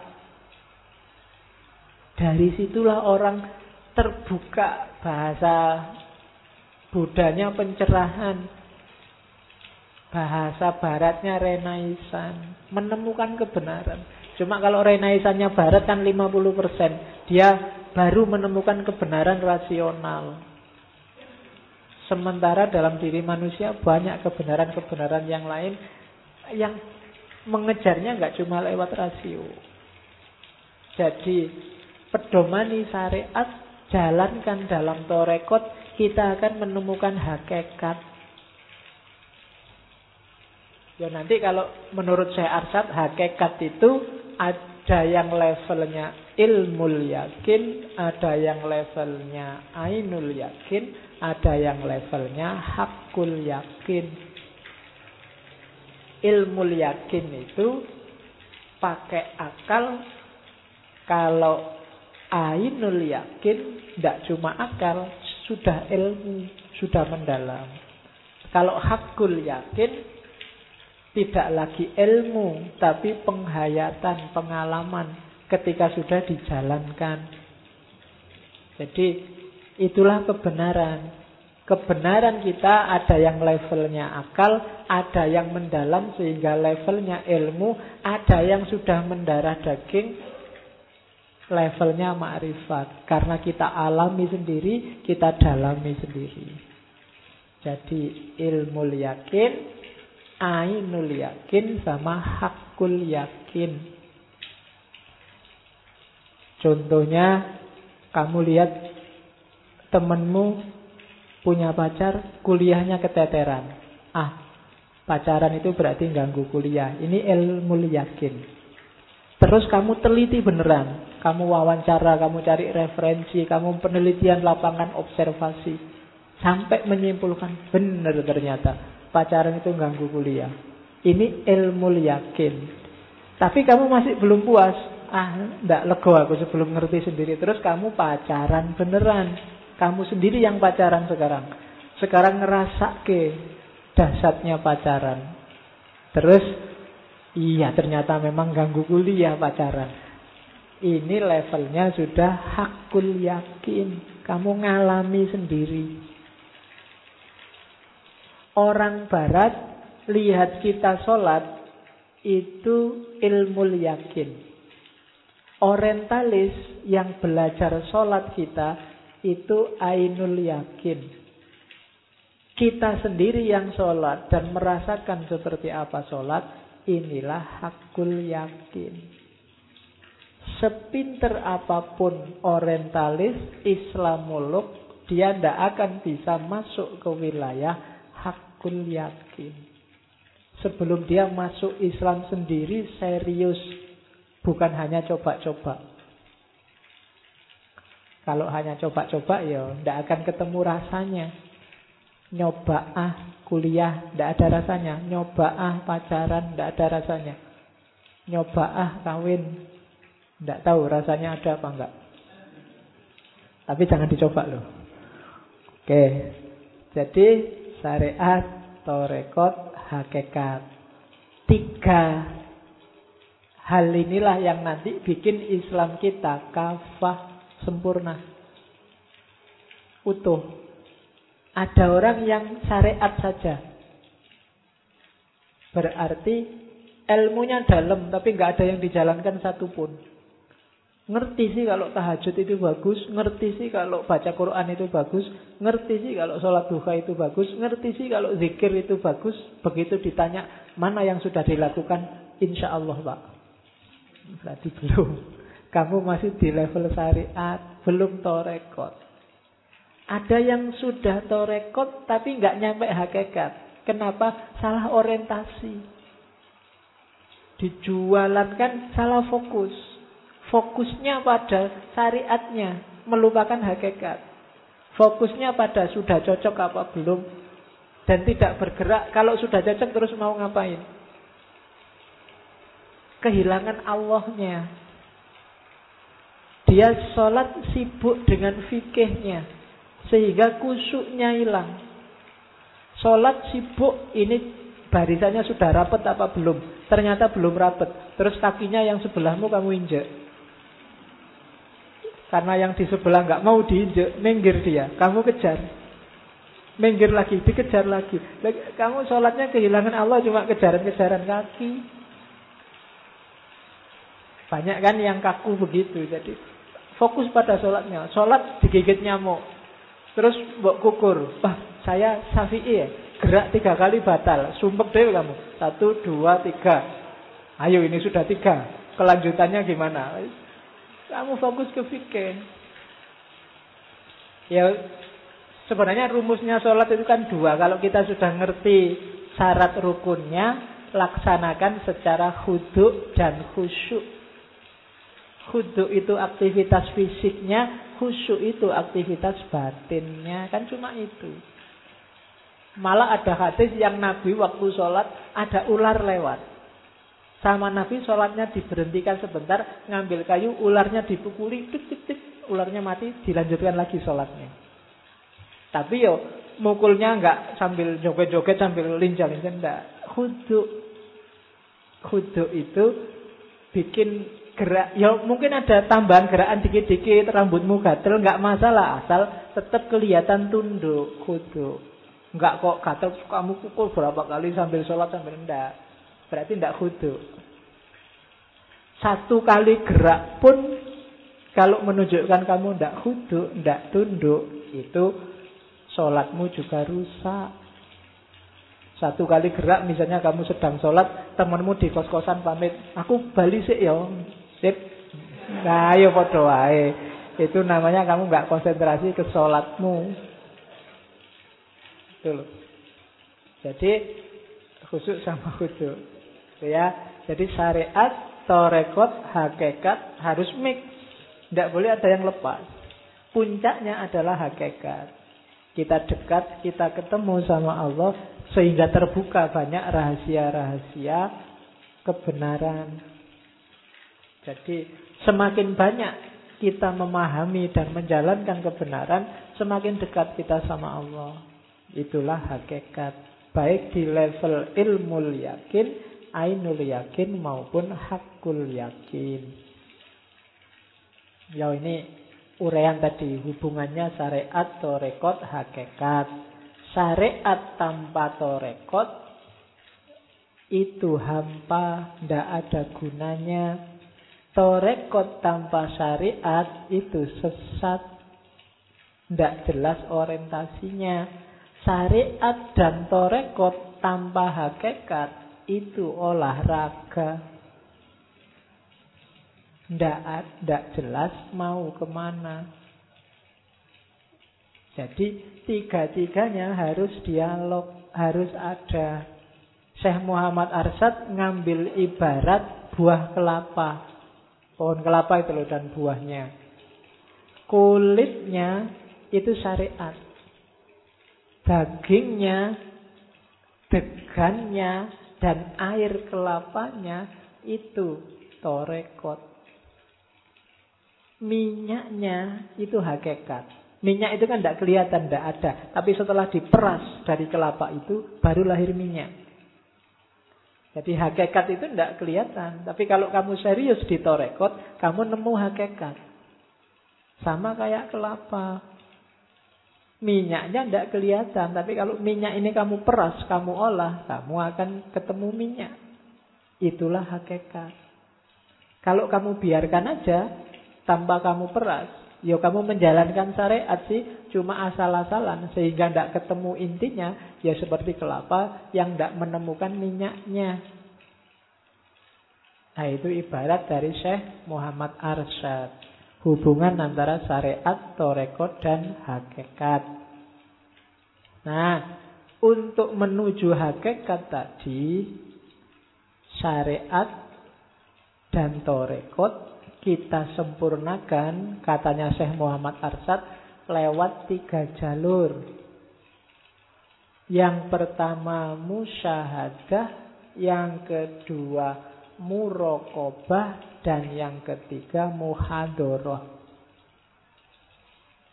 Musyahadah itu kayak tadi ya, apa pun yang terjadi, apa pun yang kita lihat, di sana Allah ada. Itu namanya musyahadah. Sambil menjalankan syariat, batin kita sibuk selalu dengan Allah. Itu namanya musyahadah. Musyahadah dari kita. Yang kedua murokoba. Murokoba itu satu akar kata kayak rokit, malaikat rokit yang ngawasi. Murokoba itu ihsan. Kita merasa selalu dilihat Allah. Antak butallaha ka'annaka tarohu wa in lam takun tarohu fa innahu yaroka. Jadi di mana-mana kita melihat Allah musyahadah dan kita juga merasa selalu diawasi oleh Allah. Namanya murokobah. Dan terakhir muhadoro. Muhadoro itu hati kita selalu mengingat Allah. Allah selalu hadir. Kita selalu merasa ada di hadirat Allah. Dengan tiga kelengkapan ini, syariat dan torekot akan menemukan hakikat. Kalau syariat dan torekot kita masih berjarak dengan Allah, berjarak itu misalnya tujuannya bukan lagi Allah, Targetnya bukan lagi Allah. Ya hanya itu yang kita dapatkan. Targetmu mungkin pahala, targetmu mungkin surga, targetmu mungkin rezeki lebih banyak, target hanya itu yang kita dapat. Bukan berarti tidak bisa, bisa, cuma berhenti di situ, eman-eman. Kalau kita nyampe ke Allah, segalanya bisa kita dapatkan. Maka kita sempurnakan syariat dan torekot dengan musyahadah, murokobah, dan muhadoro. Di mana-mana hanya kita lihat Allah, kita yakin bahwa Allah selalu mengawasi kita karena kita juga selalu hadir di hadirat Allah dan Allah juga selalu ada dalam hati kita. Jadi hidup serba Allah. Jadi yang zikir nggak cuma mulutnya tapi juga batinnya dan perbuatannya. Lewat musyahadah, murokobah, muhadoro. Melakukan apa pun, pertanyaanmu adalah kalau kayak gini Allah suka enggak? Allah ridho enggak? Saya mau ngaji atau tidak usah ngaji, nongkrong aja. Kira-kira Allah lebih ridho mana? Pertanyaannya begitu. Masuk kuliah atau jalan-jalan aja di mall? Kira-kira Allah lebih ridho mana?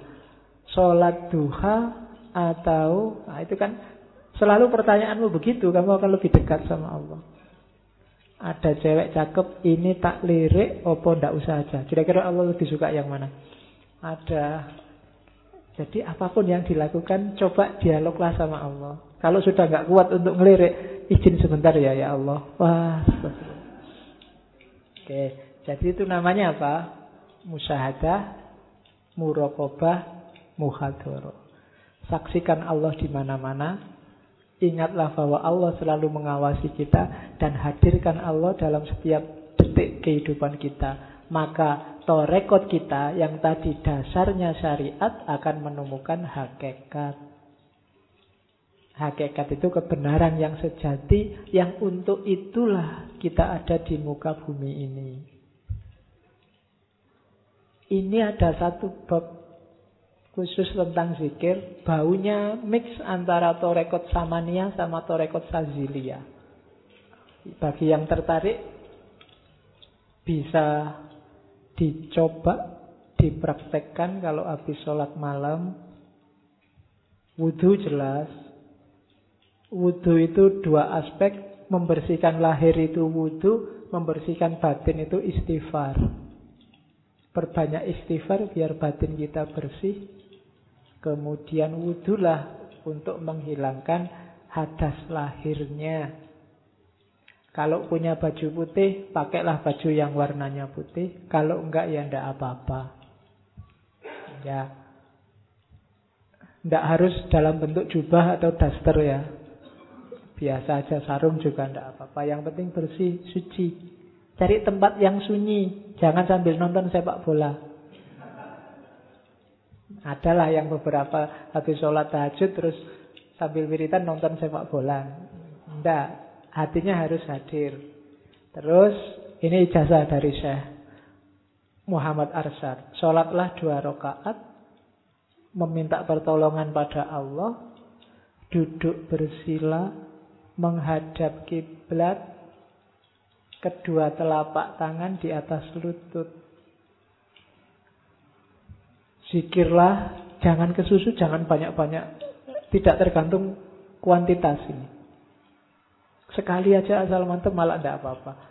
Pertama baca La ilaha. Sambil niatkan di batinmu bahwa buanglah semua yang berbau dunia.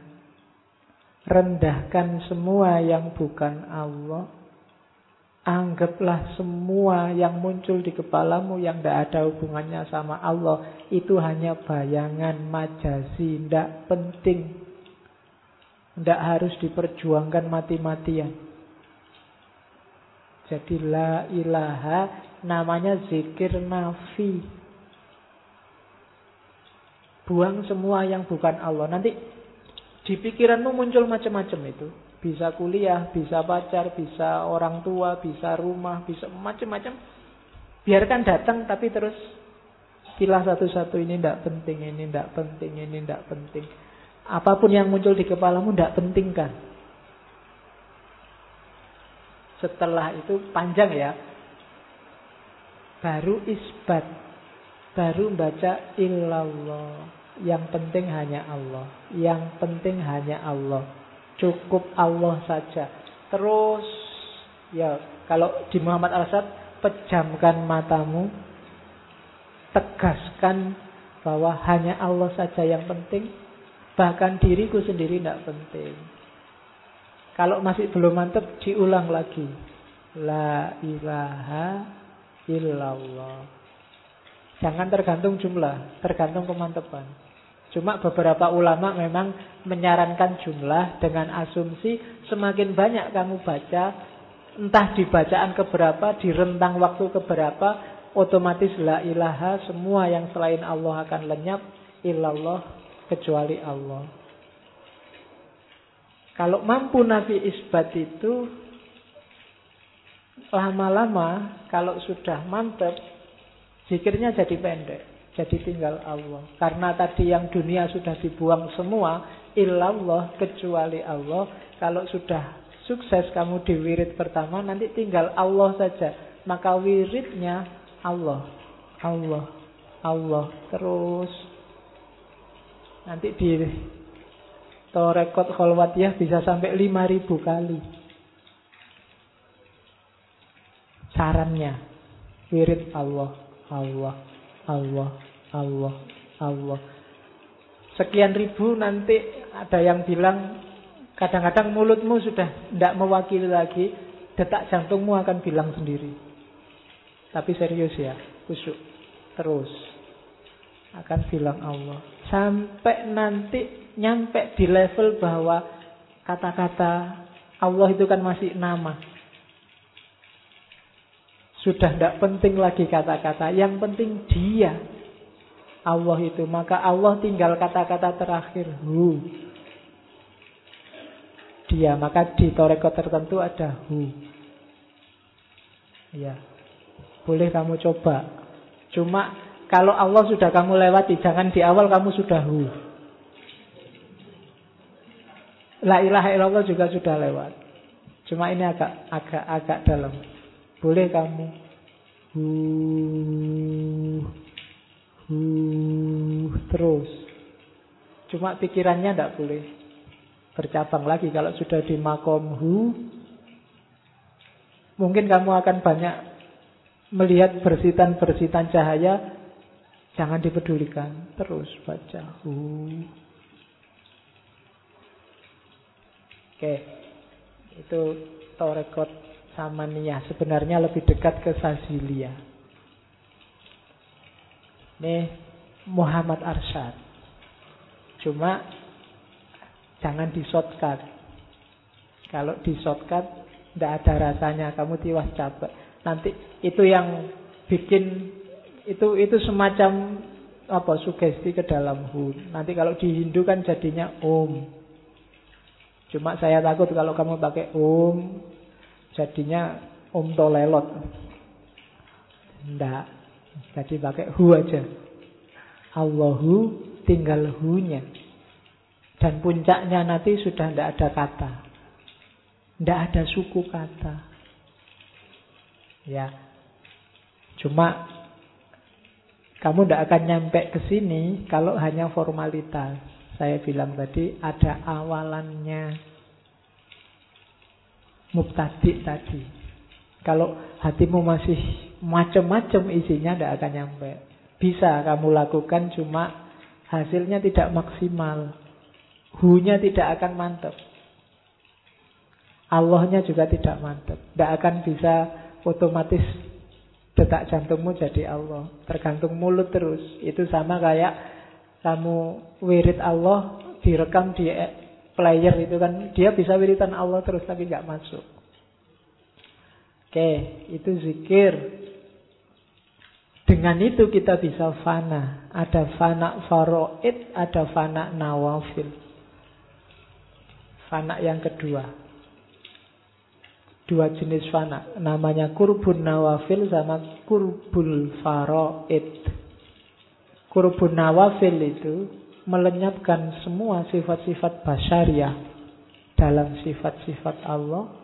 Kalau kulbul faraid melenyapkan dirinya sendiri termasuk segala alam semesta kecuali Allah. Jadi kalau kita bisa melenyapkan segalanya termasuk diri kita dan sampai ke level iktikot hanya Allah saja yang ada itu namanya kurbun faroid. Kalau hanya perbaikan akhlak, sifat-sifat basariah tadi yang kita musnahkan, nafsu dan lain-lain itu namanya kurbun nawafil. Yang nasut, yang kemanusiaan yang kita buang tinggal yang lahut saja fana dalam sifat-sifat Allah namanya kurbun nawafil. Kalau kita bisa melenyapkan semuanya, yang tersisa hanya tinggal Allah saja namanya kurbul faroid. Ini teorinya Muhammad Arsyad. Ini tadi yang saya sebut mati sebelum mati. Ringkesnya ada tiga mati sebelum mati itu. Yang pertama level awam. Mati sebelum mati itu ingat mati terus. Ingat-ingatlah satu kebenaran yang pasti dan mutlak dalam hidup ini. Satu-satunya adalah mati. Makanya ada hadis kafa bil mauti wa izon. Cukup mati saja sebagai nasihat. Hidup kita akan tertib. Jadi mati sebelum mati yang pertama itu ingat mati. Ada level kedua, mati sebelum mati itu membunuh hawa nafsu duniawi, membunuh hasrat keduniaan, sifat-sifat kemanusiaan kita bunuh mati di mati yang dunia ini. Ini kayak teorinya Siti Jenar. Jadi yang duniawi-duniawi kita padamkan. Kita nyalakan yang ilahi. Itu mati sebelum mati makna kedua. Makna yang ketiga, mati sebelum mati itu semuanya kita lenyapkan biar tersisa Allah saja. Itu level paling tinggi. Itu yang saya bilang agak dekat sih. Ada juga bau wahdatul wujudnya. Meskipun secara umum beliau menjaga masyarakat awam dari pandangan-pandangan yang bisa membuat mereka tersesat. Orang awam ya syariat dulu, diajari cara ibadah yang benar lewat torekot, baru masuk ke hakikat. Jangan ujuk-ujuk orang awam diajari hakikat. Hakikat itu dari pengalaman langsung. Jangan diceritakan secara verbal pada orang awam. Itu yang dimaksud oleh Syekh Muhammad Arsad sehingga memfatwakan Syekh Abdul Hamid itu sesat. Jadi dia menjaga umat, tidak menyalahkan ajarannya. Karena umat juga penting. Dan beliau memang posisinya saat itu sebagai mufti. Mufti itu kan dia bertanggung jawab terhadap umat dengan syariatnya. Jangan sampai rusak. Oke, terakhir. Ini ada quotes kata mutiara yang unik dari Syekh Muhammad Arsad untuk kita sebenarnya alim dulu hanyar suki. Ah, ini seolah-olah kita disuruh yo ilmu dulu baru kekayaan. Sebenarnya ini trik. Trik apa? Ilmu saja. Karena ilmu itu tidak ada batasnya. Bukan carilah ilmu baru cari harta. Carilah ilmu sampai tidak ada batasnya. Urusan suge teko dewe. Datang sendiri dia. Jadi Menjadi alim dulu baru menjadi kaya. Bukan berarti carilah ilmu dan carilah harta. Tidak. Carilah ilmu. Urusan harta itu implikasinya ilmu. Jangan khawatir. Kita Allah sendiri kan sudah janji yarfa'illahu ladzina amanu minkum walladzina utul ilma darajat. Orang yang berilmu itu derajatnya pasti tinggi. Tidak mungkin lah orang derajatnya tinggi kok terus miskin papa tidak punya apa-apa. Allah pasti lebih atau seandainya kita tidak punya apa-apa, mental kita telah siap untuk tidak punya apa-apa. Pasti janjinya Allah terpenuhi. Cuma kita aja yang yakinnya tidak 100%. Itu yang bikin yang kuliah di fakultas tidak menjanjikan, hari ini kamu gelisah. Sesuk kerja apa? Itu sebenarnya pelecehan. Penistaan bahasanya orang hari ini. Loh emangnya uang Allah sudah jelas bilang kalau kamu pinter, ilmumu banyak, derajatmu tinggi. Loh itu janjinya Allah loh. Masa kamu tidak percaya sama Allah? Atau kayak minggu lalu, ya Allah sesuai anggapanmu. Kalau kamu anggap Allah, ya tidak mungkin pak kalau kuliah ini ya lahannya sedikit. Ya itu yang akan terjadi. Kepercayaanmu 50%, ya Allah datangnya 50%. Nah itu teori minggu lalu. Oke, Alhamdulillah. Dapat ilmu baru sedikit mungkin tentang Muhammad Arsyad Al-Banjari. Oke, minggu depan kita piknik ke Sulawesi. Sesi terakhir Sufi Nusantara kita ketemu Syekh Yusuf Al-Makassari. Kita lihat ada gagasan-gagasan apa dari Syekh Yusuf Makassari. Bagi yang jeli akan melihat sebenarnya tradisi spiritual itu mirip-mirip saja. Pada saatnya nanti kita juga akan menjelajahi tradisi spiritual tidak hanya Islam. Kita coba ya nengok tradisi spiritual Kristen, tradisi spiritual Hindu, Buddha. Biar wawasan kita luas, ilmunya tambah. Oke, saya akhiri itu dulu. Kurang lebihnya mohon maaf. Wallahul muwafiq. Wallahu a'lam bisawab. Wassalamualaikum warahmatullahi wabarakatuh.